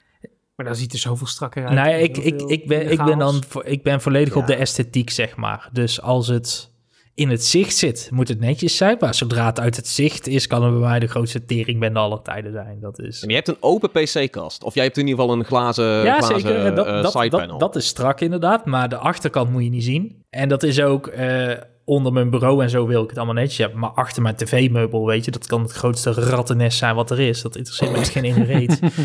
Maar het moet in het zicht moet netjes zijn. Ik ben zo'n esthetiek lul, zeg maar. Dat, eh, Ja, oké. Ja, ik trek het wel iets verder door. Ik vind het eh, dan, als je er dan toch mee bezig bent, dan ben ik ook zo van: oké, ik wil alles netjes door deze banen. En dat ik het, Het maakt- inderdaad nog steeds wel snel kan verwisselen, want dat moet vaak en zo. Ja, Maar- en ook als je dan zeg maar dat je dan toch een keer onder je bureau moet gaan zitten eh, rotzooien met kabels en dingen, dat je dan ook kijkt van, oh ja, maar ik heb het wel de vorige keer echt netjes weggestopt. Dat maakt zeg maar dat dan het rotklusje ook iets minder vervelend. Oh, maar ik ben ook gewoon ah, de, de achterkant van de PC. Als je dat goed regelt, weet je wel, je maakt die kant open. Ik, ik kan in je PC kijken en, daar ziet het er mooi uit. Dat is prima. Maar Ja. laat mij dat achterpaneel zien. Oprecht. Deel me foto's van, van hoe, het, hoe het achter het moederbord eruit ziet. Als je dat goed geregeld hebt, zoveel respect. Maar dat is ook wel oefening. Ah, dat, dan ja. heb je het over eh, next level. Want ik, ik heb nu voor het eerst dit jaar, een, of nee, dus 2022, voor het eerst een, helemaal, een PC van de grond op af helemaal opnieuw gebouwd. Helemaal, helemaal scratch. De metalen, weet je wel. Ja, nee, wel mijn oude kast, maar wel alle onderdelen waren helemaal nieuw. Dus ik heb een hele kast gestript en alles nieuw erin. En dan was het wel zo van de achterkant, oh ja, oh ja, dan moet dat kabeltje zo. En oh ja, dit moet daar mee verbinden. En waar moet überhaupt deze kabel in? En eh, ja, Ja, dan, ik- dan ik- ben je ik- meer daarmee bezig dan dat je uiteindelijk de perfecte eh routes hebt Oh nee, ik ga, ik, ga, ik ga verder. Ik, eh, ik al heb dus- Ja, nee, man. dat snap ik, want jij bent eh, level 24 ten opzichte van mij. Ja. Ik heb dus de fout gemaakt met mij, met mij toen ik mijn PC opnieuw heb opgebouwd, is dat ik een, een eh, power supply heb gekocht en niet heb gekeken of ze van cable mods ook custom length cables hadden. Die... Oh ja. Dus ik heb, ik heb wel cable mod kabels, maar dat zijn van die extensions. Dus ik zit nog steeds met mijn Oh. 18 kilometer aan kabel onder mijn PC gestopt. En dan komen er mooie kabeltjes aan de voorkant uit, inderdaad, van Ja, ja, die precies, strak onderin, zijn om de esthetiek hoog te houden. Maar daaronder is het Is echt zo van... cheaten. Fire hazard. Ik, ik dacht, ik, ik, ik moest dus mijn nieuwe GPU aansluiten. Ik heb eigenlijk een nieuwe GPU, side note. Ehm, die moest ik aansluiten. En daar, ik had maar een 8 en een 6 pin liggen. Maar ik wist dat het twee keer 8 pin kabels waren... die er origineel van Cable Mod had besteld. Dus ze was van, fuck, waar is dat laatste twee stukje dan gebleven? En dat zat dus ergens onderin weggestopt. en dat heb ik dus op moeten graven nou. En toen deed ik de achterkant van mijn PC op en dacht... oh ja, daarom was dit een kut idee. Dus ja, nee, dat Ja. kan beter bij mij. Oké. Ja, nee, goed, dat wel is, heel, eh, eh, heel nerdy shit misschien. Misschien moeten we iets minder nerdy Ja, laten we iets... Ja. Ja, nee, het, het volgende onderwerp wordt echt minder nerdy. Wat vinden jullie van mechanische toetsenborden? Ja, nee, inderdaad. Ja, dat, is, eh, dat is toch iets minder, eh, iets minder nerdy, toch? Nee, ja, de, de, de randomizer heeft ons hier geen, Ja, eh, geen fijne hand gedeeld. Nee, nee. Ehm, nee, ik vind, ik vind mechanische toetsenborden eh, hevig underrated op het Ja. moment. Het is echt, ehm, zoveel mensen eh, weten het niet dat het, dat het zoveel fijner kan zijn, dat het langer mee kan gaan, dat het Ja, gewoon... of die schrijven het af. Ja, ja, dat, ja. Ja, of Ik dat het zeg maar echt een gamer ding is. Terwijl ik heb het, ik, ik, ik gebruik het medium, omdat ik, ik ben ik schrijf veel voor mijn beroep Ja. überhaupt. En daar is het zo fijn bij, dat je gewoon Ja. elke dag als die Ja. PC gaat zitten, dat het toetsenbord gewoon precies werkt zoals jij wil. Dat is, oh, dat is echt underrated. Kijk, eh, zelfs onder dan de journalisten of de mensen die veel schrijven, eventueel voor werk ook en zo. eh, zo vaak zie ik dan een foto van een journalist zijn, zijn setup en dan, dan ligt er echt het meest gore soort Ja, van zo- Microsoft zo- zo- 1993 ding. Zo'n standaard dome. Dell-setje. Ja. Zo'n standaard Dell-setje. Ja. Met zo zwart met blauwe letters en zo'n lelijke kutmuis met zo'n rubberen wieltje waar je. Ja. Ah, Ja, of dan nog net wel zo'n infrarood ding. Maar het is altijd inderdaad Dell, HP of de Microsoft stuff dat je denkt van, oh, die hadden we op de middelbare school ook. Ja, en dus gewoon ook tien jaar die nog een keer in de fik gestoken. Dat ja, ja, ja, ja, ja, ja. Dus, maar Ja, ik maak is- elke drie maanden maak ik mijn hele toetsenbord schoon. Omdat het gewoon anders te ranzig voor woorden wordt. En dat wordt bij iedereen. Alleen iedereen maakt dus een toetsenbord niet schoon. En dan is het Van voor die toetsenborden op kantoor, waar haar dan gewoon de, gele laag, de gele laag van vet en zo op zit. Dat, ja, nee. Dat is kopen mechanisch toetsenbord en zorgen goed voor, punt. Ja, we hebben een hele fijne gids op eh, Pixelvault Ah, staan nice. over hoe je de juiste nice. vindt voor jou. Want het is een moeilijke wereld Ja, om in te komen voor sommige mensen. Maar het is oprecht, als je een klein beetje investeert, je hebt, eh, je hebt waarschijnlijk een toetsenbord waar je makkelijk 10, 12 jaar lang echt goed plezier van kan hebben. Door naar een stukje cultuur. Het is wel ook een beetje weer een, eh, een heet onderwerp, denk ik, heet hangijzer. Eh, wat vinden we van eh, Quentin Tarantino? Oeh. Overrated. Als, als man en de films. Nou nee, ik, ik, ik zeg overrated. Ik, ik vind de, ophemeling vind ik altijd best, best overrated. Ehm, maar ik kan niet... Ik kan niet ik heb, een, ik heb een mediaopleiding gedaan. Iedereen die bij mij op de opleiding zat ja, dat, dat klinkt jullie die luisteren, jullie weten wie jullie zijn. Ehm, maar ik heb maar één film van hem gezien. Was wel meteen de beste film in mijn optiek. Want het is de enige die ik van hem heb gezien. Maar, eh, Welke is het? Reservoir Dogs. Oké, ja, dat Je is dan waarschijnlijk wel... gezien? Nee, ik heb Film Fiction niet gezien. Wauw. Ik denk dat Pulp Fiction wel hoger staat in de mainstream qua aanzien. Maar Reservoir Dogs is waarschijnlijk een deep cut voor de, voor de fans, om op zijn minst nog te noemen, toch? Daarmee kom je wel een, eh, Ja. een eh, gesprek op een feestje door. Van, wat vind je van Tarantino? Ja, ik vond Reservoir Dogs wel oké. Oh, deep cut, vet man. Daarom heb En ik ook gezien. Dat, het leven. dat is zijn enige reden dat ik die film heb gezien. Maar nee, dus, dat was dus George overrated. trouwens. Nou, Eh, ik George denk dat. Quentin Tarantino wel een beetje overrated is, maar dat is ook een beetje omdat het een hele herkenbare filmregisseur is. Het was voor mij ook de eerste Ja. keer dat ik als tiener een soort van met films in aanraking kwam, dat je tussen verschillende films duidelijk zag, oh ja, je zit een soort van één regisseur achter, één filmmaker, weet je wel? Dat, dat kun je Ja, herkennen. schrijver natuurlijk ook vaak, hè? ja, dus eh, ik denk dat het in ieder geval voor mij wel eh, toen wel heeft eh, hè, film als kunstvorm eh, herkennen. eh, daar, daar werkt Quentin Tarantino wel denk ik in mee. Ja, ik, ik vind het ook dat- zo'n naam, zo'n naam waarvan iedereen die dan een beetje ambities heeft of zo om, om filmregisseur of zo te worden, die dan dat- die zou roepen. eh, ja, ik wil de nieuwe Tarantino worden, weet je. Dat niveau op een gegeven moment. Dan, dan ja, Ja, dan ben je- dat is een beetje te, te ver opgehemeld. Ja. Ja, Er zijn ook hele andere vette schrijvers en regisseuren Ja, eh, dat, die, toffe dingen doen. Maar ja, ik zeg niet volledig overrated, die gast. Ik vind eh, de meeste van zijn films nog steeds, eh, ja, vaak toch wel gewoon briljant. Ja, Ehm, Once Upon a Time dus- vond ik echt, eh, was echt geweldig. Ja, ja dat, terwijl, eh, en dan mijn vriendin die kijkt dan mee, die zegt van, hoezo vond je dit zo tof? Ik, wat is nou het punt? Ja. Weet je wel? Die mensen zijn er natuurlijk ook, maar ik denk dat heel veel mensen, als je iets hebt met, met een beetje inderdaad kunstige films... of Ja, het is een beetje mainstream arthouse. Dat, dat is het, denk ik. ja. Of Ja, het is, het is arthouse. die je, op een, die je met een aantal broskies en een biertje ook nog kan, Ja, eh, precies, kan ja. zeg maar. Zo van, oh ja, eh, vet man, er worden gewoon mensen like, keihard kapot geschoten. Die is gaaf, ja, ja, ja. Ja, ja, maar Dus dat- heb je die camera-angle gezien? Ja, ja, dan ga ik zo van, oh. En die foreshadowing. En als je nou let op een soort van de spiegeling in de, in de shots. Oh, is...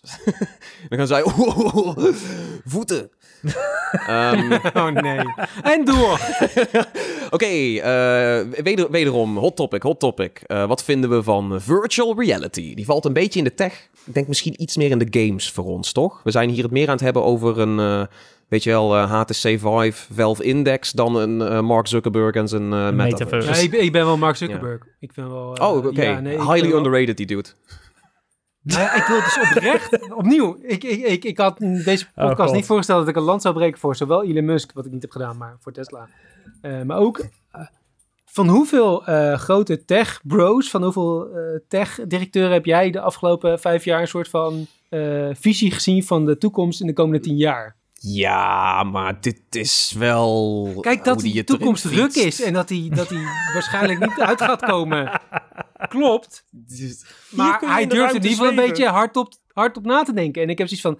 Nou, niet dat we dat per se van Elon Musk nodig... Of van, eh, sorry, eh, Mark Zuckerberg nodig hebben. Maar eh, ja, ik, ik vind het wel leuk dat hij daar in ieder geval een beetje over fantaseert. Dat doet hij geval... Sure, maar hij gaat in ieder geval niet naar space, weet je wel. Hij gaat in ieder geval niet in een raket zitten... waar verder niemand de fuck aan heeft. En gebruikt in Nee, hij gaat, nog hij gaat meetings doen in space. Ja, In, in de metaverse. Virtual space. Virtual space. Groot Ja, de- Kost minder geld. Zijn de aandeelhouders denk ik niet helemaal mee eens, maar het kost... Oké, oké. Hij heeft inderdaad zijn dromen geuit. Tof voor hem. Like, you do you, homie. Maar ehm, zijn fantasie zuigt. Zijn dromen zuigen. Hier kun True. je met z'n Ja, achttienen nee, daar ben ik helemaal mee eens. Het is wel... ja, overleggen. klopt. Ja, oké, maar, maar oké, dus wacht. Mark Zuckerberg, landsgebroken. Tof dat hij eh, zijn, zijn, zijn dromen aan het eh, verwezenlijken is. Gaat niet zo lekker met zijn bedrijf en de visie verder. Eh, maar, maar virtual reality, wat, om het wat groter te trekken en ook vooral bij de games te betrekken. Weet je, de PlayStation VR 2 komt er bijna aan. Hoe, hoe, staan, we over, hoe staan we in het leven als we het hebben over eh, virtual reality in de games? Het grootste gedeelte voor mij is vrij overrated. Ik heb nog weinig ideeën slash uitvoeringen gezien waarvan ik zoiets heb van... dit is echt een fucking goede reden om VR aan te schaffen. Enige reden... Nee, ja, de enige reden voor mij dat ik zoiets overweeg om VR echt aan te schaffen... eh, is ook weer simracing. Dat je, dat je echt ergens... Hmm. Want dan zit je, sta, je zit statisch of stationair... Maar je kan wel veel meer diepte inzicht krijgen in, in wat je aan het doen bent. En er zijn maar weinig games, uitvoeringen waarvan ik daar zoiets heb van... oh ja, hier heeft het zoveel toegevoegde waarde... dat ik dit zou overwegen. Ja, ik heb het ook Ja. met, met Euro Truck Simulator 2 en dan zeg maar in VR. Dat is, dat is echt een Ja, zelfs Echt daar, weet je. Zelf, Zelfs zelfs daar. Zelfs daar, weet je. Fucking hell, Mario Kart in VR lijkt me wel, dat lijkt me hilarisch. Maar het, ik denk dat je heel snel misselijk wordt, maar detail. Ja, en ik denk, maar, maar- verder is het heel erg overrated, omdat je gewoon, oh, hoeveel persberichten ik krijg met, Ja, oh ja, we ja, hebben ja. de nieuwe VR-experience, hebben we Ja. voor je. Ja. De nieuwe. De Echt nieuwe. gewoon, Ja, ja. Ja. Singulair, de nieuwe. ja. Kun je bij ons thuis eh, op de Heineken Experience of noem een ander kutbedrijf, eh, kun je komen checken. Ja. kun je hier in de metaverse Ja. drinken. ja, en kun je ook meteen onze NFT kopen. Echt, please. Oh, oh, als dat erbij komt, dan, eh, dan is het sowieso Gaan een, hand in hand hard no. Gaan hand in hand. Ja, ja, NFT's in Ja, virtual metaverse. reality op de blockchain. ja, ja. Ja, ja. ja. Ze komen echt voorbij. Ja, nee, oké, dat, dat, dat hoeft van mij niet. Ik denk wel dat er inderdaad wel iets te zeggen is voor virtual reality in de games. Maar ehm, natuurlijk die, die, die hoopvolle, ambitieuze berichten van... wat is dat inmiddels vijf, zes jaar geleden... van dit is de toekomst van Ja, gaming. nee, dat... Daarvan zeg ik nee, overrated. Het is de toekomst van een segment van Ja. gaming. En dat zal dan inderdaad vooral beginnen bij inderdaad je, je, je Sims. Ja, niet de Het is Sims. Sims van EA, maar de Sims oh, van de de, Sims simulatoren. dat zou ook leuk zijn. Dat is gewoon VR-chat. Ah, ja. Dat is, Daar en dat is prima. Oeh, nee, sorry. Ja, nee. ehm voor mij is, is City Skylines dit niet al doen, maar SimCity in VR, weet je? Dat je echt gewoon... Dan krijg je een Je golfcomplex. eigen stad Dat plat kan walsen. dat- door er doorheen te wandelen als Godzilla. ja, maar SimCity is wel gewoon echt dood, hè? Dat is gewoon... Ja, oké, maar is het is city building Ja. genre dan. Nee, hij is gewoon, ik zeg alleen maar, dat is gewoon trigger, eh, dit. Dus, eh, dit zijn trauma's, waar Robert. Dit zijn Ja, trauma's naar dit SimCity eh, de remake. Ja, verlies. duidelijk. Oh. Oké, de volgende is, eh, wat vinden we van SimCity? nee, nee, nee. eh, we gaan door naar een stukje eh, cultuur. Ja, ja, te doen. Cue even dat eh, Discord disconnect geluidje. Wat altijd als het in een video of in een podcast zit, dan space ik hem als ik het hoor. Zat ik in een call? Huh? Ehm, de volgende is een stukje cultuur. Vinden we het overrated of underrated? muziek op vinyl luisteren. Ja, jongens, ik heb inmiddels met mijn hele trauma al uh, gewoon Taylor Swift eraan gezet. Dus uh, ja. ja. nee, uh, ja, nee, gewoon underrated. Ja, ik het, het, is enorm populair momenteel, ja. maar dan nog denk ik, meer, meer mensen moeten dit doen. Meer mensen moeten op die manier muziek waarderen, denk ik. Ik heb wel een kanttekening daarop. Ik vind het wel in veel gevallen, um, als het nieuwe muziek is, vind ik het minder belangrijk om dat ja. op vinyl te hebben. Waarom? Ik vind het vooral.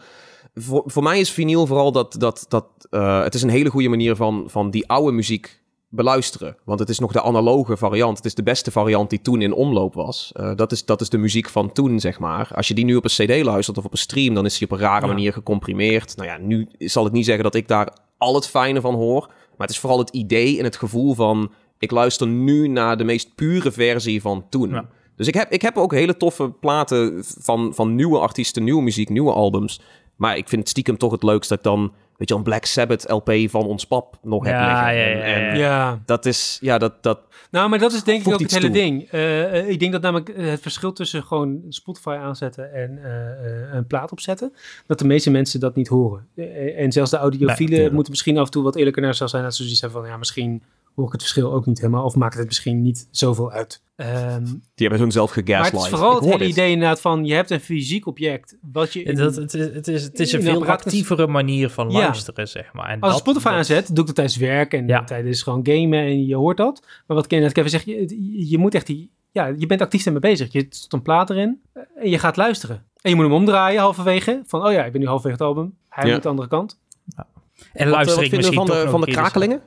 Ja, ik vind dat heerlijk. Maar dat, dat is ja. misschien een beetje... Ik, ik heb ook... Ik zorg dan misschien niet het beste voor mijn platen. Dus dat is ook gewoon fel wat er vaak op zit. Maar... Elke 30 seconden...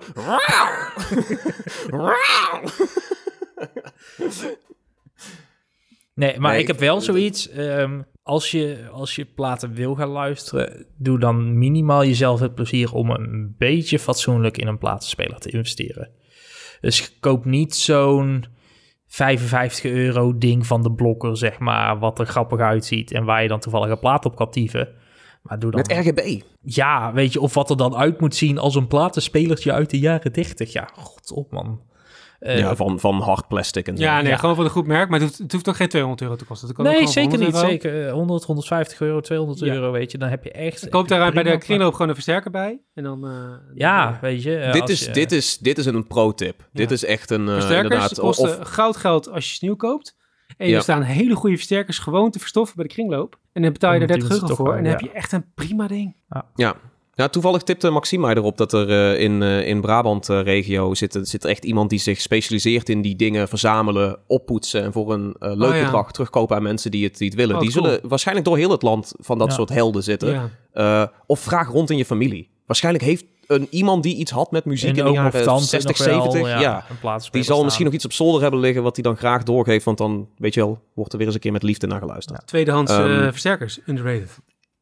Ik had, ik had niet verwacht dat, de- dat de- dit onderwerp deze kant op zou gaan. Dat we, al, dat we alle facetten van, van muziek op vinyl luisteren gewoon underrated zouden Ja. noemen. Ik dacht, er komt nou iemand erin fietsen van jullie horen dit niet, jullie liegen, dit is bullshit. nou, niemand hoort het ook, maar daar gaat het niet om. Nee, het gaat gaat om de om experience. Ja. Het is de experience. Ja, Oh, jongens, we zitten mooi op één lijn. Ja. We zitten met z'n allen in dezelfde groef. Hey. Jezus, Tom. Lekker. Is dat dan Ehm. met dubbel OVE of met OEF? Nee, OAF. Ik, ik sta hem wel echt als OAF. vind ik wel... Nee, ik vind in de groef wel leuker dan in de groove. Dat ook wel Maar had allebei is, gekund. Ja, ja, ja. Ehm, stukje cultuur. Ook wel een stukje games misschien. Deze is een heleboel facetten. Maar wat vinden we van Star Wars? Wat vinden we van het leven? Ja, zo breed. zo breed. Wat vinden we van eh, A Long Long Time Ago in a Galaxy Far Far Away? Ehm, ja, dat, dat, is, dat is dat hele Galaxy. Dat kan ik niet. eh, Ja, eh, maar wat, wat ik overrated vind, maar dat is wel met meer van, van de moderne cultuur, is alle makkelijke haat eromheen, zeg maar. Ja. Eh, wat, en wat bedoel je dan met makkelijke haat op, op nou, dat weet je, eh, loop, een beetje hetzelfde waar we het vorige week met Voorspoken ook over hadden.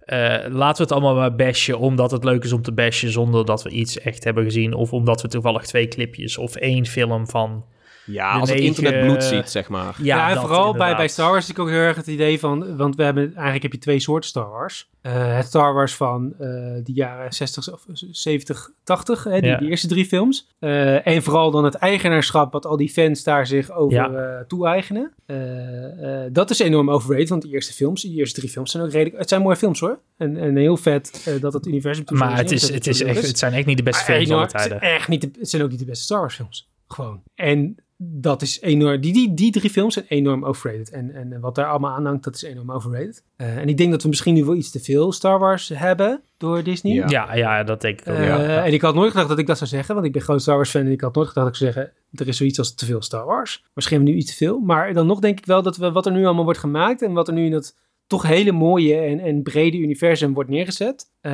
daar mogen we ons denk ik best wel rijk mee rekenen en eh, dat dat misschien ook wel een beetje door heel veel mensen underrated wordt. Doordat ze zo nee, dat ben vastzitten ik op zich wel eens. in die oude films. De, de, de mogelijkheden met Star Wars underrated. Eh, hoe Star Wars nu behandeld wordt door, door Disney. Dat ze denken, als we er maar zoveel mogelijk uitpompen. Overrated. Ja, maar wel... Kijk, er zitten ook wel dingen als The Mandalorian en zo tussen dat ik denk, ja, maar ze- Ja, je- soms, weet je wel, als je met hagel schiet, kan iets raken. dat, dat, ja, oké. Maar met, ja, Maar de- wat nou als je alleen maar Mandalorians zou maken? Maar dan komen ze wat minder vaak. Geef me dat. ja. Weet je wel, je hoeft, niet, je hoeft fair. niet alles eruit te gooien. En ik denk Ja. ook zelfs in de games. Ik zag laatst weer een lijstje met alles wat aan Star Wars games Ja, in de ja, works ja. is. Het is misschien wel, we, we gaan wel echt richting dit is te veel, denk ik Ja. hoor. Ja, goed punt. Maar goed, oké. eh, ik ja, dat zijn mijn under- en overs op, op Star Wars. Ja, het, het, het Ehm, gaat een beetje alle kanten op. Ja, ja. Oké, dan gaan we wel door. Want Je zou hier een hele podcast over kunnen doen. Over de, de, de staat van Star Wars. Weet je wel? Hoe gaat het nou Komt eigenlijk met die oorlog? Welke ster is aan het winnen?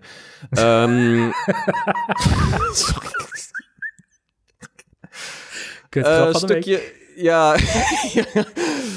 ik haat van mezelf dan ook dat ik hem niet gewoon. dat ik mijn eigen lach niet in kan houden. en hem gewoon kan Ja, laten ja. coasten en er doorheen praten. Want dat is gewoon grappiger. Maar ik, sorry jongens, ik ben daar nog niet. Shit. Ehm, kan nooit een comedian worden. Eh, cultuur. Dit is, eh, dit is denk ik ook wel een hele leuke. Er was een briljante eh, addendum van, eh, van Robert, toch? Hier kwam jij mee. Ja, ja, Nederlandstalige muziek. Want ik, ik, ik weet, weet dat in ieder geval één van ons daar veel naar luistert. En ik weet ook dat ik veel vroeger... vro- ik ben opgevoed met Nederlandstalige muziek. En toen kwam ik erachter dat ook de Beatles bestaan. En toen ben ik nog een met Nederlandstalige muziek gaan luisteren. Nee, nee, nee. Toen ben ik dus juist helemaal gedraaid. Maar ik ben dus eigenlijk sinds een paar jaar eh, weer teruggedraaid. Omdat ik denk dat we best wel een hele goede generatie eh, eh, Nederlandse muziek inmiddels hebben. Dus ja, ik was benieuwd wat jullie daarvan vonden. Of jullie het underrated of overrated vinden. Ik, ik, Ik denk dat eh, Kevin, Kevin heeft hier het meeste mee. Ik denk dat Kevin als eerste moet gaan. ja, ja, Want Kevin is die dude die jij bedoelde. Ja, ja, ja, ja, ja. Die dude die het ook gewoon openlijk in zijn profiel heeft staan op pixelpop.nl. Ehm nee, ik, wat jij zegt, Robert, het is, het is best wel een generationeel ding. Eh, per generatie verschilt het heel erg. En het is ook, ja, het- wat verstaan we onder Nederlandstalige muziek? Het is, het is heel breed, zeg maar. Je, je hebt... eh, je hebt ja, je oude nederrockbands en je, je Dijks en je Doemaars, eh, noem maar op. Je, je hebt ook je, je vrouwtjes en je... eh, ehm, S10. eh, ja, je S10. eh, nieuwe. Maar je hebt ook je campermuziek, om het zo maar te zeggen. Of je, je campingmuziek. En dat is ook Nederlandstalige muziek. Maar ja, daar maak je mij ook niet gelukkig mee. Dat vind ik ook totaal... maar dan doe jij op die slagers, toch? Een beetje die... eh, eh, Ja, of- ja, wat, ja. Waar hebben we het dan over? Ja, die, die Omroep Brabant muziek, noemen we maar. De feest op Wauw, het oké, plein, pin het maar weer lekker op heel Brabant. Daar zijn we toch niet allemaal verantwoordelijk voor of zo? Dat Jawel, is... daar Nee, zijn we- allemaal handverantwoordelijk voor. We Oh, consumeren me het weer volgens gaan- mij wel het meest. Dat is een beetje het probleem, zeg maar. We Ja, dat is wel inderdaad het probleem. En, en Jos van ons is van ons. Ja. Guus is van ons. Ja. Ja, het risico met, ne- met, Nederlandstalige muziek is gewoon dat het snel plat wordt. En dat is, eh, dat is Ja. altijd gevaarlijk. Ja. En dat, dat er ook een soort van...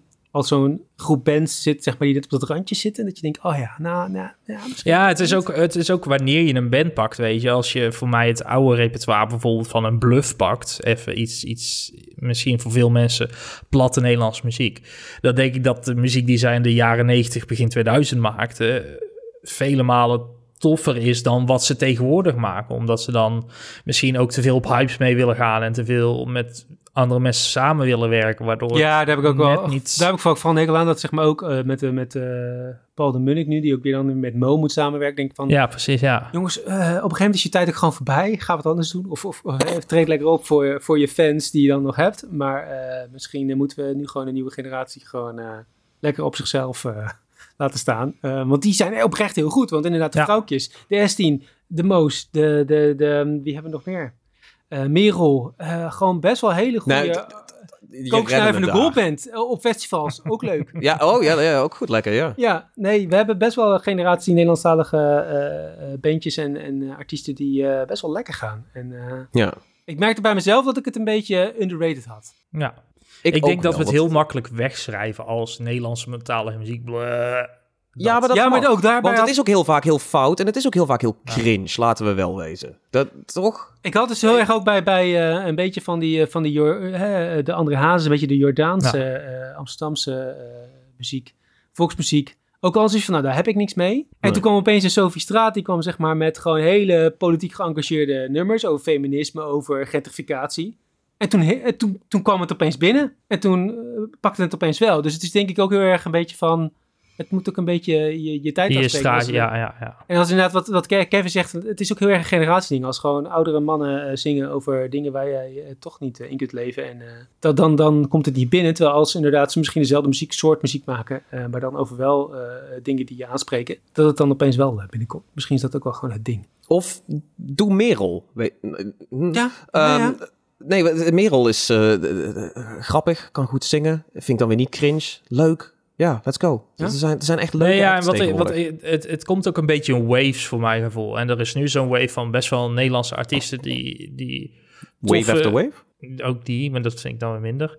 Ehm, maar die, die toffe Nederlandstalige muziek maken. Maar je hebt ook een afgelopen, nou ja, zeg afgelopen tien jaar of zo, pak drie jaar terug en dan de afgelopen jaar, had je echt eigenlijk niks heel bijzonders Nederlandstalig. Weet je dan, het grootste wat een beetje doorbrak was Raccoon, omdat die Ja. op een gegeven moment van Engels naar Nederlandstalig gingen. En dat is ook pas de afgelopen twee jaar of zo. Dus ja, toen had je een, een tijd helemaal niks, zeg maar. En dan, dan, heb, dan kom je al heel snel bij die slagermuziek en, en bij, bij carnavals- en feestmuziek, inderdaad. Dat, dat is dan het hoogtepunt van de Nederlandse muziek op dat moment. Ja, weet je, dat, dat is dan zo'n wave waarin iedereen heeft van... ja, Nederlandstalige muziek is kut. Wat ik op zich ook wel snap. Maar nu... Maar dus eh, nederrap. Oh, oh, sorry, op dit moment underrated. Kunnen we denk ik wel Ja. zijn. Ja. Ehm, wil ik aan toevoegen, Nederlandse hip-hop. eh, ook Oh, prima ja. scene. Zit ook heel veel leuke stuff in die, je die je niet, eh, als je een beetje into rap bent, dat je niet meteen wegschrijft. Zo van, oh, het is Nederlands, dus cringe. Dat- nee, daar zitten ook gewoon echt toffe, toffe bars in. Brainpower, toch? Oh my god. Wil jij vechten? Niet dat ik iets tegen brainpower heb, maar dit je... Oeh, oeh. Tom is trigger. Tom is trigger.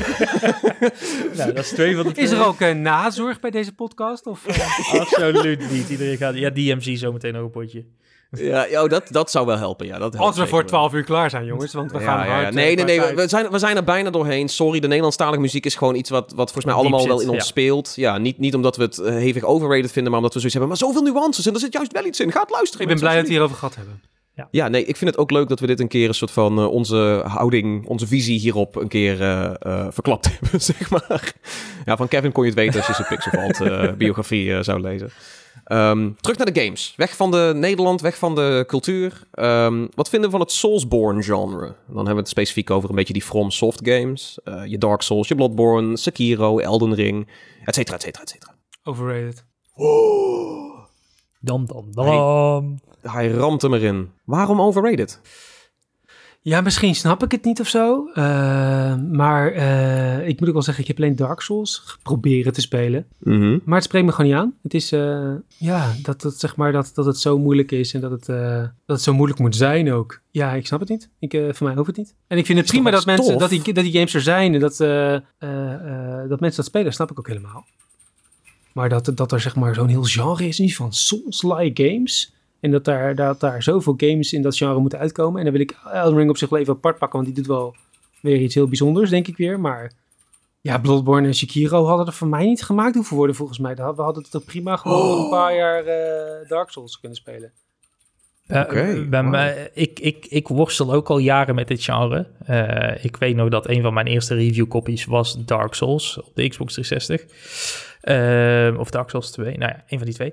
Ehm, en ik ben nooit in dat genre gekomen. Ik heb het ook meerdere keren. Ik heb Bloodborne gekocht. eh, ik heb Skiro geprobeerd te zetten. Het klikte bij mij niet. De game waar het voor mij pas echt voor het eerst klikte... eh, was eigenlijk niet eens een, een FromSoft game... maar dat was eh, Tunic afgelopen jaar. En Is dat een Soulsborne? ja, het is wel een beetje dat. Niet meer een Metroidvania dan? Nee, nee, het is, wel, het, is, het is wel dat Souls-idee van je gaat dood, je spant weer bij een checkpoint en alle vijanden zijn ook weer terug. En al je voortgang is. Ja, dat is dat. Ja, ja, ja, ja oké. Nee, dan snap ik het wel. Ja. Alleen- moet ik ook nog steeds spelen. Ja, zeker doen, zeker doen.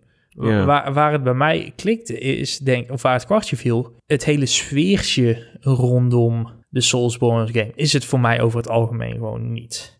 Je bedoelt de gatekeepiness. Nee, nee, nee, nee, nee. van- De, de, gewoon het, het... In de games? Ja, het high fantasy of dark fantasy.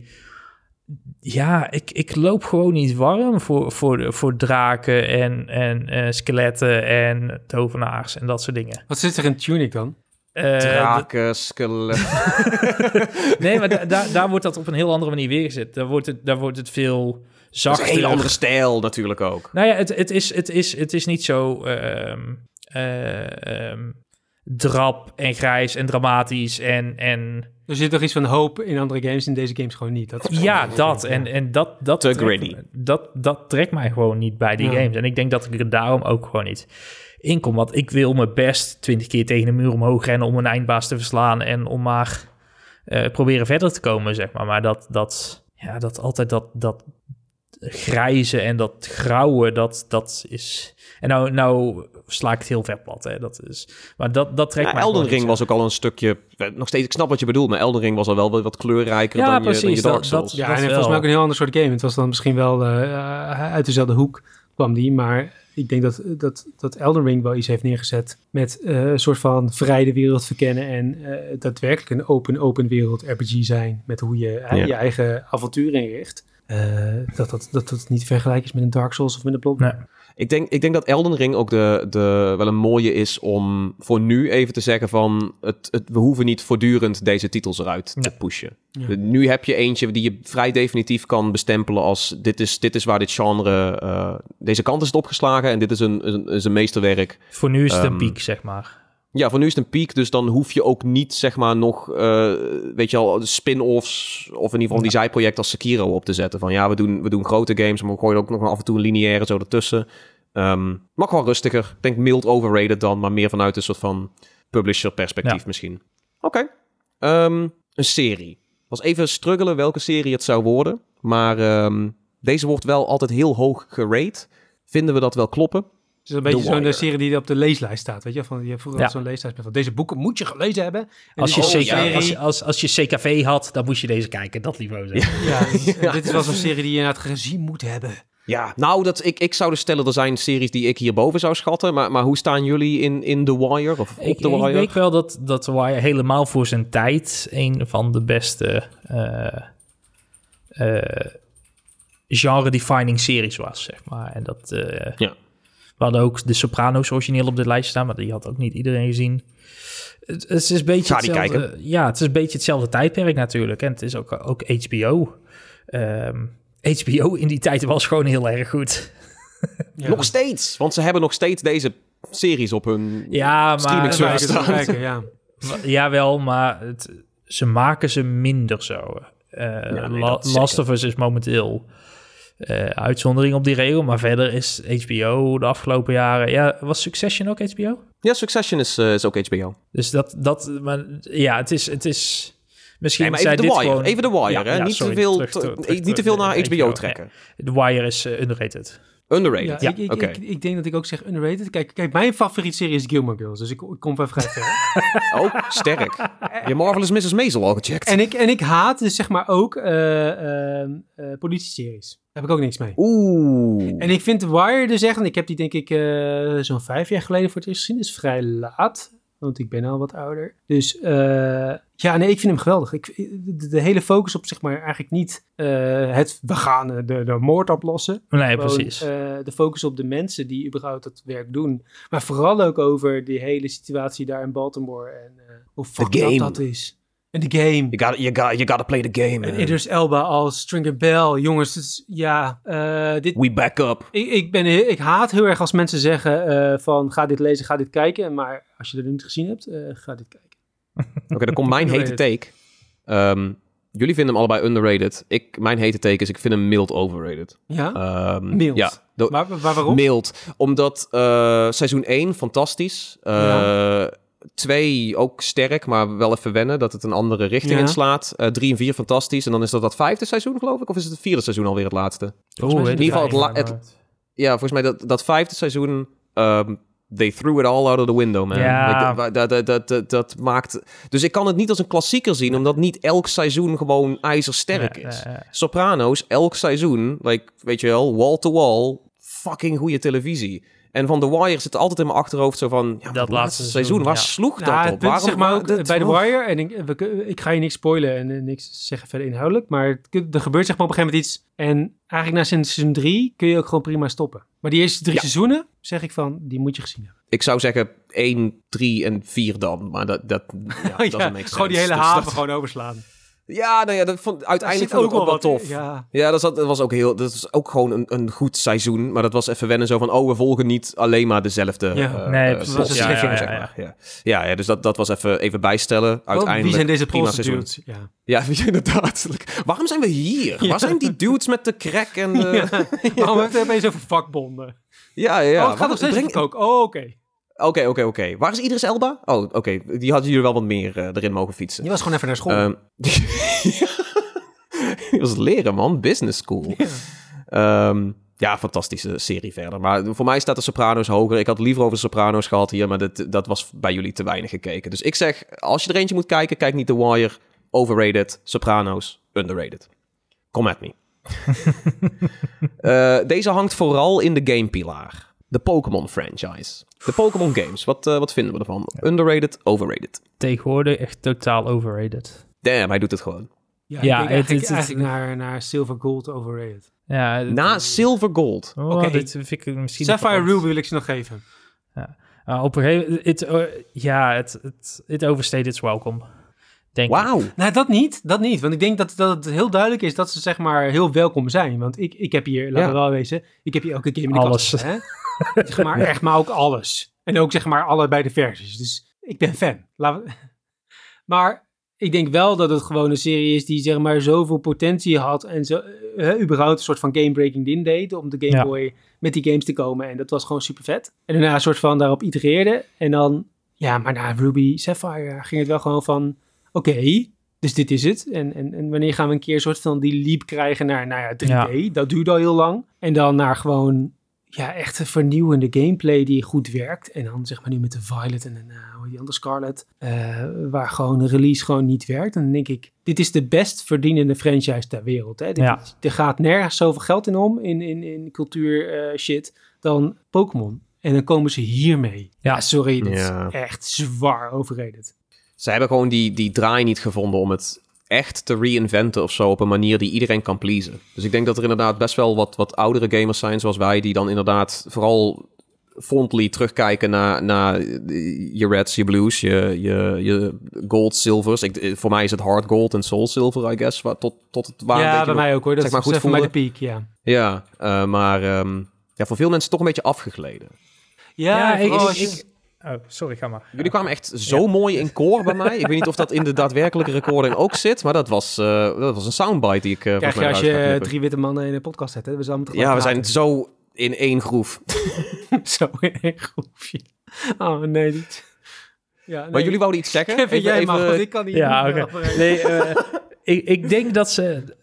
Waar, waar ze eh, recentelijk een goede draai te pakken hadden... Is, is de stijl die ze opgingen qua, qua in ieder geval grafische stijl met Sword Shield. Ik denk dat dat de, de stap was die ze misschien acht jaar geleden al hadden moeten maken Ja. met een Switch game of zo. Maar dat, dat, of met een Wii game. Maar dat was in ieder geval een stap waar ze op gingen grafisch. Maar de, de gameplay itereert gewoon niet hard genoeg mee. En nou, dan krijg je misschien de vraag, hoe ga je Pokémon gameplay dan itereren? Maar ik denk dat, dat er moet ergens nog wat in het vat zitten, wa- waarmee ze gewoon dit weer naar een fatsoenlijk niveau krijgen. En ik denk dat ze dat ook snel gaan moeten doen, want ik denk dat als ze dat niet dan wel de eerstvolgende, dan wel de game daarna doen, dat men echt op een gegeven moment gewoon klaar is met Pokémon. In ieder geval de games voor een poosje dan waarschijnlijk. Het zal niet, ik zie het niet ineens, weet je wel, Nee, de, de, de hele mediacultuur daar natuurlijk eromheen, die blijft wel. Maar het is wel, de games zijn wel de stuwende kracht achter al het andere. Zal we ooit nog zo'n Pokémon Go eh, hype krijgen, zoals destijds was? Die zomer was wild, man. Ja, dat was een goed. wilde zomer. Ja, nee, ik, ik- ja, er zal vast wel zo'n hype zijn, maar dat blijft het ook vaak mee, een hype. Ja, maar deze die eh, trok wel even eh, een jaartje door, zeg maar. Dat was niet eh, even snel one and done. Maar dus voor nu neigen we naar Pokémon, hoe het er nu voor staat, slightly Zwaar overrated. Zwaar overrated. Zwaar overrated zelfs. Oké. Ik zou zeggen mild overrated. eh Ging Robert een duimpje omhoog. ja, daar, daar, kwam, daar kwam een heel mooi duimpje omhoog in Discord. Ik wist niet eens dat dat kon. Zeker. Ik ook niet, ik ook niet. Ah. Alright, zwaar overrated dan. Eh, gaan we door naar de volgende. Eh, ik vind deze heel leuk, eigenlijk, stiekem. Ik, ik ben heel erg benieuwd wat jullie hiervan vinden. Maar vinden wij onder de pilaar games e-sports over of underrated? Ik ga voor underrated. Ja, ik ook. Oh, oké, ik Ja. had dit niet verwacht. Oké, kom maar door. Waar- waarom gaat e-sports het helemaal worden, Kevin? Ik, ik weet niet of het helemaal gaat worden, maar ik denk de manier waarop wij het eh, helemaal in Nederland in ieder geval nog aanpakken, dat er ehm, te veel links blijft liggen in, in wat het kan worden, zeg maar. Ik denk dat er, ehm, waar het in Nederland mist, ehm, is, is vooral, vooral financiële backing uit verschillende hoeken. Ik denk dat er vanuit de overheid meer gedaan zou kunnen worden om e-sport te stimuleren. En ik denk dat het, het, het, het ehm, privaatleven, businessleven, zeg maar, meer zou kunnen doen om e-sports in Nederland een, een zwengel te geven. Maar dat gebeurt niet. En daarom zijn alle e-sports dingen die in Nederland een beetje opgezet proberen te worden, ja, vallen toch weer vrij snel op, op een gat. En ik denk dat, dat, dat daar echt. Jij een- denkt dat het door het geld komt? ja, ik denk het wel. Uiteindelijk kun je met geld altijd een hele hoop eh bereikbaar. Ik denk dat er niet genoeg stimulans is voor mensen om, om e-sport serieus te nemen. Ja, dat er ook gewoon bij serieuze media. Ik bedoel, de NOS heeft volgens mij nu in 2000, eind 2022 eh, kwamen ze met een Twitch-account of zo. Dat ze zeg maar een soort van ook op Twitch aanwezig waren. En dat het een heel ding was van, van Twitch, wat is dat? Eh, ja, nou ja, dat is voor jongere mensen of in ieder geval mensen die een beetje in de, de gamecultuur zitten. Soort van, ja, natuurlijk is Twitch er, want dat, daar ga je heen, standaard. En dat überhaupt een soort van standaard media nu überhaupt het, medium ontdekken, weet je wel, dat het überhaupt Ja. er is. Zegt denk ik genoeg over dat, eh, dat het nog niet genoeg aandacht krijgt. En ik denk dat het daarom... Ik, ik ben namelijk helemaal met Kevin eens. E-sport is heel erg underrated. En niet per se door geld, maar ook gewoon omdat mensen niet zich realiseren hoeveel mensen daar überhaupt naar zouden kunnen kijken en mee bezig zijn. Maar telkens als ze het proberen, ook met, met groot kapitaal uit allerlei hoeken, ehm, lijkt men niet heel veel erom te geven. Dat is, dat is mijn Nou ja, omdat je denk ik ook wel zo vaak gewoon met een, met een doelgroep zit die eh, eh, wat jonger is en dus ook minder te besteden heeft. Dus kijk, ik, ik zie zeg maar eh, voetbal blijft en, en, en allerlei sporten en zo en dingen blijven. Maar ik denk wel dat je gewoon wel nu een, een, een generatie krijgt waar wij een beetje een soort van de voorhoede van zijn. Maar dat het vooral na ons komt. Dus de Gen Z, zeg maar, en de hele, hele, hele jonge millennials. Die zeggen van ja, nee, wij, wij kijken wel gewoon ook naar, naar online mensen die. Eh, online naar mensen die een spelletje spelen. En dat vinden we ook Ja, maar leuk. dat kan toch ook, je kunt toch ook naar een internationaal... Waarom zou... Ja, ik vind het in Nederland wordt het altijd een beetje op een gekke manier gepusht of zo. Er zijn zoveel partijen die het dan groots proberen en dan drie maanden later zeggen, ja, dat lukt toch niet helemaal. Nee, Ja, dat inderdaad. Dat... Maar soms duurt het ook gewoon even. Ik bedoel, wielrennen Ja. was ook niet opeens een eh, grote sport. Hè? Ja, maar en dan doet ik Mathieu denk- ik dat- Poel het in één keer goed. En dan kijkt iedereen opeens. Ja, ja, maar goed, we hebben ook, eh, weet je wel, er is een Nederlander, is tweede geworden op een wereldkampioenschap Fortnite. Eh, nog steeds, weet je wel, het leeft hier niet. Dus, Nee, omdat het een kind van, eh, van, wat is- was hij, 13 is. Ja, maar dat zijn de, dat zijn de pro-Fortnite Ja, spelers. klopt. Dus maar dat, snap zeg maar. Dus dat, dan zeggen ze, ah, dat is voor kinderen. Want een kind wint het, het Fortnite-toernooi. En ik zeg dus niet, eh, even voor duidelijk, hè, ik zeg dus niet dat dat minder, niet minder knap is. Ik, ju- dat is juist heel knap en juist heel goed. Maar meer van... eh, Dan wordt het sneller gekleineerd. Ja, Ja. het wordt sneller gekleineerd. Daar wordt anders naar gekeken. ik ja, oké. Dus, maar dan heb je het meer over de, de optiek van een bepaalde groep mensen is, is underrated of zo. Want ik, ik zou zeggen... nou ja, eh, laat het gewoon even samenvatten. wil- Boomers zijn hier het probleem. Daar komt het vaak op terug trouwens. Ook als we het hebben over mijn huur. Nee, eh, Nee, dat is de Eh, VVD. nee. Dat is de VVD. Oh ja, oké, dat is, dat is ja, boomers en VVD. Dat, eh, dat is al het kwaad in het leven.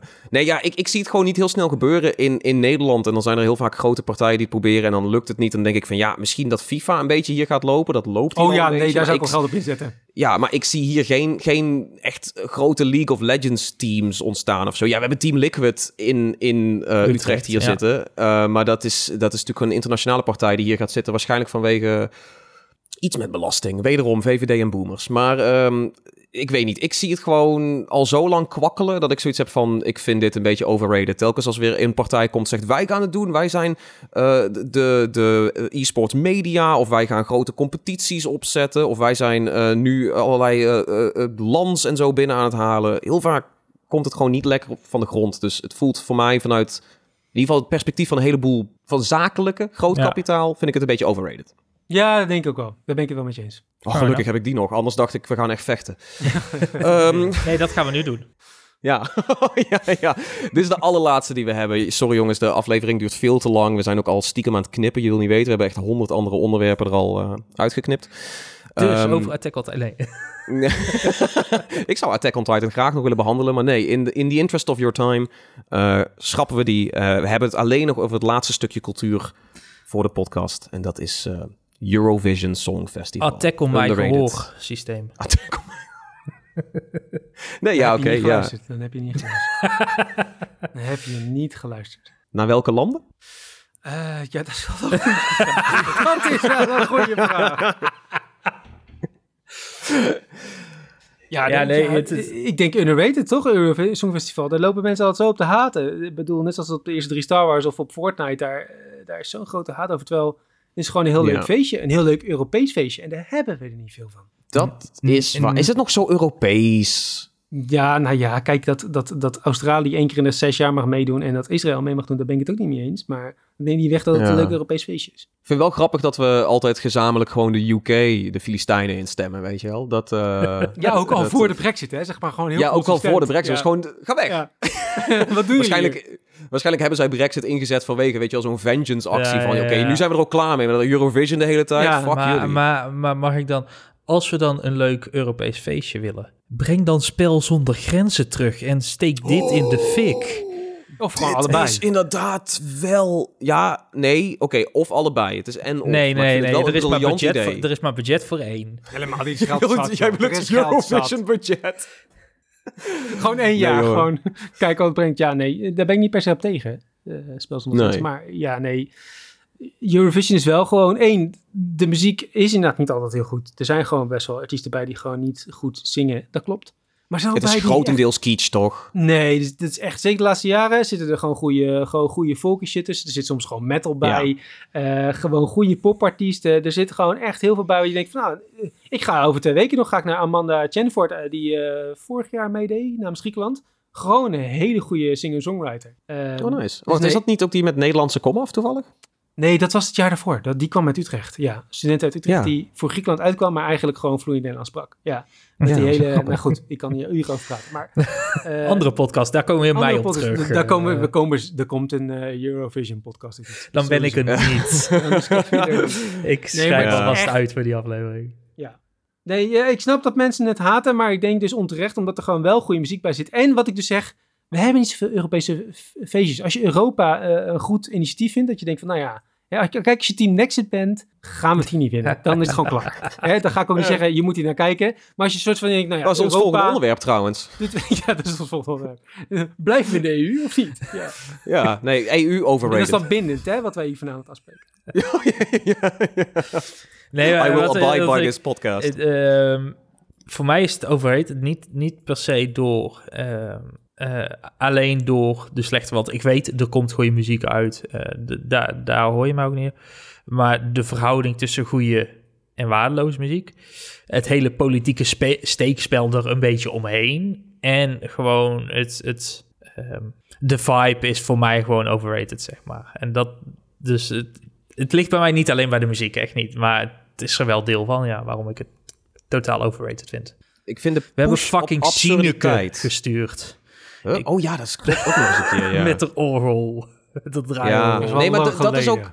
Dat, dat is sowieso lang geleden, maar dat, is wel, Is dat was wel een beetje waar ik op in wil haken. Eh, dat Nice. is die, ehm, die, die push op die absurditeit. Dat je heel erg, like, je Ja. wint als je iets... Dat is niet altijd zo, maar dat is, er is wel... Soms merk je van die landen zo van... Oh, wij gaan iets geks doen, iets ludieks. En dat is dan, dat vind ik een beetje... Nee, maar als je gewoon kijkt naar de winnaars van de... van de afgelopen, eh, laten we zeggen, nee, ik denk dat ik het nu zo'n tien jaar zo vast kijk. Dat het wel gewoon elk jaar gewoon wel muziek uitkomt waar je denkt van, nou, oké, dit is in Ja. ieder geval eh, niet al Ja, dat mijn gedoodverfde winnaar, maar wel van dat je denkt, nou, is gewoon wel oké muziek, gewoon, gewoon goed. Ja. Gewoon goede artiest. Niet mijn ding, maar wel gewoon, is gewoon goed. Ja, maar dan Maar heb ook je... Finland met zijn eh, hard metal act, dat je denkt van, oké, niet Oh, mijn ja. ding, maar ze gaan wel hard, weet je wel? Nee, maar dan heb je, Dat dan heb je zijn. misschien drie tot vijf goede artiesten, zeg maar, bovenin zitten. Terwijl dan de rest van, wat, hoeveel landen zijn het in totaal die meedoen? 26, 30? Zoiets, ja. Wat dan ruk is, zeg maar. Dus dan is meer dan 80% van de inzendingen is gewoon kut. Waar wel best wel veel... Nee, niet 80%, echt niet. Echt, ik, zou dus misschien zeggen dat, dat, dat de helft, dat je daar niet van zegt van, nou ja, dat, dat hoef ik op een festival niet te zien. Maar de meeste zijn gewoon wel gewoon goede artiesten, maar eh, zingen gewoon goed, eh, gewoon een leuke band. Eh, ja, die hoor je niet, maar... En anders kun je gezamenlijk haten op de slechte Dat ook, dat hoort er ook een beetje bij, hè, van, en dat, eh, dat, dat, is, dat is inderdaad ook wel- dat is underrated. Dat is underrated. Het dat is gewoon dat je zegt samen van, ja, shit ja, kijkt. Polen en eh, wat was het, Roemenië hebben toch op elkaar gestemd, weet je wel, dat elk jaar. En dan blijkt dat ook een jaar later zou het zijn. Dus dat is allemaal, eh, Het is wel leuk. het is gewoon leuk. Het is gewoon een Europees Ja. feestje. En die hebben we, buiten voetbal om, hebben we dat niet zoveel. Nee. Nee, maar ik geef, ik geef Kevin gelijk. Ik wil eh, Spel zonder Grenzen wel eh, terugzien. Of iets van Takeshi's Castle, maar dan in een Europese saus. Let's go. Eh, Ja. eh, Ja. Ja. Uit, uit, betrouw- betrouwbare bron, weet ik dat eh, de voornaamste reden dat Spel zonder Grenzen nooit is teruggekomen, is inderdaad een geldissue. Landen wouden niet gewoon het betaalde het potje Dus inleggen word allemaal lid van onze Patreon en dan brengen wij spel zonder grenzen terug. Ik ben wel dit- voorstander dit- van zoiets organiseren, maar dan gewoon op kleine Ja. schaal of zo. Gewoon onder de redacteuren eh, gewoon zo'n Takeshi's Castle doen. Zo'n wipeout, naar die wipeout, naar die wipeout track gaan. eh. Ja. Oh, dit is veel te laat eigenlijk. Maar we hadden natuurlijk wel real-life ehm, eh, Fallout guys eh, kunnen, kunnen doen ja, eh, ja, voor, ja. Een, voor een viraaltje. Hadden we Mr. Beast even gebeld of zo. Die had dat wel. Oh, ja, ja, ja, ja. Yo, what's up, Jimmy? Of hoe heet hij ook alweer? Geen idee. Ehm, nee, oké, Eurovision Song Festival. Ik vind dat je ook hiervoor een goede lans hebt gebroken, Robert. Dit, is, eh, dit is heel fijn. Ehm, Je hebt Hier sta ik ook meer achter dan bij de vorige twee. ja, ja, Mark Zuckerberg en Elon Musk. Ja, ik, gek genoeg I don't know what minder happened. mee. I don't know what happened. Dat is die brainchip. Ja. Ineens eh, begon je gewoon te praten over 5G eh, van Bill Gates in mijn arm, die opeens zegt van... Microsoft. Nee, oké, dus, dus, oké, daar, daar gaan we het bij laten. Het was, het was veel te lang. Sorry jongens, het is de langste podcast voorlopig. Waarschijnlijk in, een, in de komende tijd. Tot de van- Eurovision Iedereen vond het leuk. Ja, tot de Eurovision Dan aflevering. dan wordt en ik gewoon elk. Ja, gewoon elk nummer in detail. De achtergrond van de zanger of zangeres. Ja, jij denkt je Nee, een grap ehm, maakt, maar ja. Nee, ja, ik verwacht dit echt. Dit is, dit is deels grappend, maar ik weet ook deels dat het gewoon Gaat waarheid gaat worden. Ehm, dat was het voor eh, over slash under. Eh, eh, ja, hopen dat iedereen ervan genoten heeft. En we zien zeg maar jullie hete rebuttals en hete takes en haatbrieven en zo. Die komen wel onze kant op op Discord en op social media. Daar zullen we straks nog even pluggen. Maar eerst nog even heel snel in deze veel te lange aflevering onze nabranders. Ehm, Robert, wil jij, eh, wil jij beginnen met eh, jouw nabrander van de week? Ja, ja. eh, dat is wel een beetje ja, een boek. Mag dat? Dat mag. Dat mag. Alles Voor deze mag. ene keer. Het is, het is namelijk het is dus een boek, dus het is een beetje culture, maar het is ook een beetje tech. Het, gaat over, het, het boek heet Sandworm van Andy Greenberg. En het gaat een beetje over ja, de, de, de Russische hackactiviteiten. Oh, voordat zeg maar, Rusland de Krim in- binnenviel en. Eh, Ja, precies. Dus pre-2016 ongeveer. Ja, en het is een beetje. Ik heb eh, jaren terug het eh, boek eh, Countdown to Zero Day, wat zeg maar ging over de VS die een eh, nucleaire kernreactor in eh, eh, Iran eh, saboteerde met gewoon, gewoon eh hackactiviteiten, zeg maar. Eh, gewoon met aanvallen. En eh, ja, Rusland probeert dat dus nu op, opnieuw, maar dan dus in de VS ook. Dus met gewoon kijken of ze kersen of energiecentrales plat kunnen leggen. En dus ook nu in Oekraïne, om dus voordat ze dus binnenvielen, gewoon hele steden donker te laten worden. Letterlijk. Ehm, heel interessant. En ook zeker als je nu ziet hoe de ontwikkelingen, zich, ja, hoe de ontwikkelingen nu daar gaan en de hele oorlog die daar in de gang is. Zeg maar de aanloop daar naartoe, zeg maar, eh, vallen er opeens heel veel dingen op zijn, ple- op zijn plek. Eh, want dit boek is al van, eh, ja, wat ik zeg, dus voordat Rusland de Krim binnenviel. Dus eh, ja, zeker een aanrader als je iets meer context daarbij wil en eh, ja, een beetje de aanloop daar naartoe. Het is non-fictie, als ik het goed begrijp. Het is non-fictie, ja. Het is een ja, ja. non-fictieboek, Ja, En toch hebben de Russen het weer gedaan. Ja, in dit geval hebben de Russen het wel gedaan, ja, ja. ja. Zie je, Ubisoft heeft wel Eh, een ja, punt. ja. Heeft wel een punt, ja. ja Tom, Clancy, had wel iets, eh, iets in de gaten. Dat is, eh, Eh, maar de- deze kun je gewoon eh, basically, eh, ik neem aan, eh, op je Kindle en zo ook downloaden, maar ook gewoon in je fysieke boekenwinkel kun je Ja, ja, vinden ja. of Dus zo? Centrum en Andy Greenberg, eh, je vindt hem overal, ja. Oké, nou mooi. Ik vind het wel interessant, maar wel hevig hoor. Ja, ja, het is niet, eh, het is niet wat, je, wat je op zondagmiddag leest. Het, eh, je moet je Ja. even, eh, Ook niet zo lekker voor het slapen gaan dat je nog even droomt over like, leuke hackaanvallen op universiteiten. Ja, en dan meteen zeg maar die atoombom die er daarna komt of Ja. zo. Nee, nee. Het is even, Ja, ja, ja. ja. Oké, ja, heavy. Ehm, Kevin, heb jij iets, eh, iets meer upbeat? Niet dat ik eh, niet down ben met een beetje eh, deprimerende Nou ja, realiteit, ik- maar ik, eh, zou fijn zijn. Ik ga van Sandworm naar Urworm. Eh, want ik heb, eh, ik heb eh, muziek. Ja, nee, ik heb de muziek van Kumu, als je het zo uitspreekt. Geen idee. Q- Q-U-M-U. Ehm, vooral veel op Spotify te vinden. Is een artiest die hele hippe, toffe remixes en covers doet van... Ja, klassieke games tracks eigenlijk. Al veel, veel Nintendo franchises, maar soms, soms zit er ook wat anders tussen. Ja, dat, het is een beetje techno, upbeat, funky. Eh, gaat keihard. Ik, ik ga zelf altijd... op- techno? Ja, oké, techno is misschien wat. EDM. EDM, sorry, EDM. Ja, ja. Ehm, vooral voor mij de, de cover van Luigi's Mansion is, is echt fenomenaal, maar heeft ook een hele hoop andere goede tracks. Dus zeker, eh, zeker even luisteren. Ja, ik ben het hier helemaal mee eens. Ik zet dit ook eens in de zoveel tijd eh, aan. En het is, eh, het is heel chill. Maar ik, ik ga wel zeggen, laat hem niet te lang nabranden deze. Want als je dit zeg maar vier uur non-stop op hebt staan op de achtergrond... dan ga je uiteindelijk word je een beetje lijp van deze tracks wel.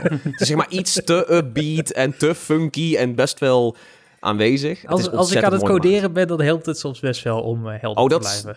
Dat, dat kan ik me helemaal, helemaal voorstellen, ja. Ehm, ik vraag me wel af hoe hij eh, onder alle copyright claims Dat wil ik ook niet weten hoe hij dat Nee. Dat is, eh, Want het, is, het zijn covers, het zijn remixes, maar het is overduidelijk, weet je wel, echt allerlei Nintendo property. Maar, hij het, komt het- ermee weg. Het zit ook gewoon letterlijk in de namen van zijn tracks en zo. De track heet gewoon letterlijk Luigi's Mansion, weet je. Dat soort dingen. Dus het is... Het is Dan kun je er gewoon duidelijk over zijn. Dan weet Int- Nintendo dit nog niet. Want anders dan was het al lang. Mm, eh, ja, ja. Kwestie van tijd, ja. hopen dat ze niet naar deze podcast luisteren. En anders snel luisteren. Ja oh, dat, Kevin heeft gesnitcht. Dat zal dat het zijn, inderdaad, ja. Dat Qmu op, eh, op Twitter zegt van... Het was trouwens eh, Kevin Rombouts. eh, hij heeft het podcast, die verklapt. kutpodcast. Ja, want iedereen vond dit leuk. Ik vind het dus helemaal niet leuk. ja. Voeg je bij Ubisoft en word boos over ons. Eh, een collectief haatplatform gewoon tegen onze podcast. Dat, dat is Dat is- ons uiteindelijke doel. Dat is, Dat is wat met Voorspoken is gebeurd, wat met Star Wars gebeurt, dat willen wij ook. Wij willen gewoon ongenuanceerde haat, omdat er gehaat wordt op ons. Ehm, ik heb een hele leuke, nou, ik heb heel veel dingen beleefd de afgelopen week, eh, twee weken, want ik was er vorige week ook niet. Ehm, maar ik, eh, ik, zou, ik zou het op één ding houden. Oh, ik ben wel benieuwd. Eh, het, is de, het is de Playdate. Oh. Eh, ik heb hem eindelijk binnen, eh, Eindelijk. sinds eh, dus twee weken. Ja, dat heeft wel even geduurd. Sterker nog, er staat, ja, ja, er staat ook op de Playdate dat het een, een Y01 is van year 1. maar hij is dus in year 2 verschenen pas. ah, Dus details, is- details. Ja, dit zijn details. Ehm, ja, het is echt heel leuk. Voor de mensen die het niet weten, dit is een, eh, een eh, mini-handheld. Een beetje neo-retro. Dus het heeft een eh, 1-bit scherm. eh, v- vrij klein. Pixels kunnen alleen wit of zwart zijn, volledig. Dat is, Aan dat is alles uit, wat dit ja. kan. Ja, ehm, en er, het is niet voor emulatie. Het is voor spellen die aparte specifiek games gemaakt toch? Ja, precies. Hele aparte Ja, games dit- voor ja.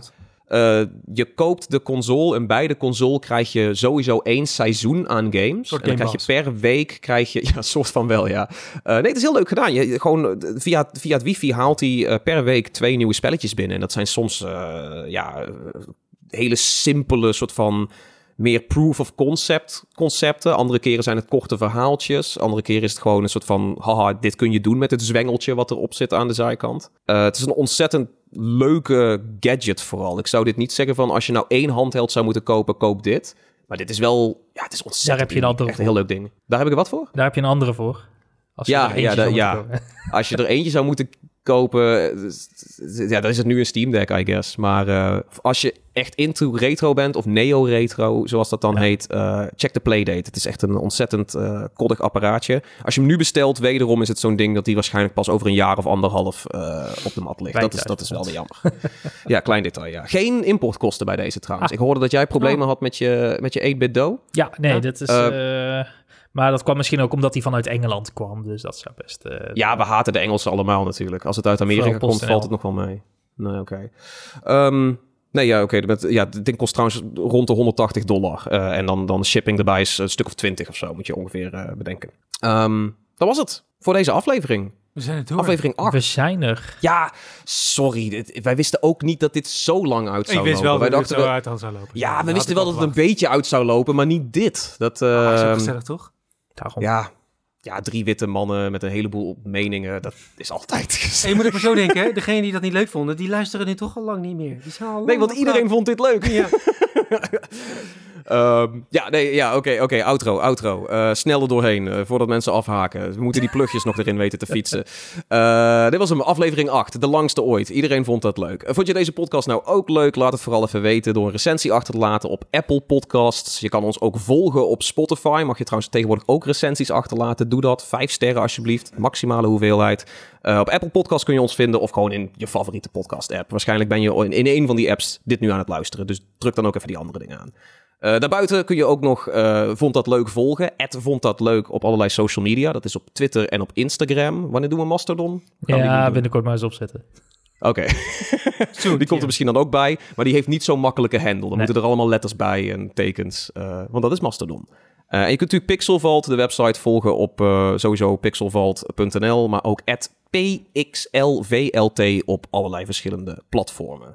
Dan nog even snel de persoonlijke plugjes. Kevin, waar kunnen we jou allemaal vinden? Nou ja, Twitter, eh, Instagram nog steeds op @kevr en dat is K E V V R. Hoe is het trouwens op Mastodon? Even heel snel. Is, is het daar leuk? Eh, rustig nog. Oké, oké. Dan ga ik er misschien nog niet zelf ook aan geloven. Eh, Robert, kunnen we jou op Mastodon vinden? Nee, nee, nee. Je kunt mij op eh, Facebook vinden. Het uh, markzuckerberg.nl Oh, je hebt die fanpagina. Ja. Ja. Jij deelt altijd die foto's dat hij in de metaverse heel sexy staat. Ehm, Zonder Nee, daar ben benen ik je wel dankbaar voor. Ehm, ja, nee, dan kunnen we je daar volgen uit. Eh, dan, eh, mij kun je vinden op @tomkou. Dat is vooral op, eh, op Twitter. Ik ga misschien wat hele korte recensies van die Playdate spelletjes Oeh, gewoon op nice. Twitter gooien. Oeh, ja, graag. dat denk ik, ik denk dat dat iets, iets is. Want het verdient niet een volledige recensie, maar dat, dat komt allemaal. Dat was hem. Snel. Sluit af, Tom. Bedankt voor het luisteren en tot de volgende keer. Hoi. Hoi.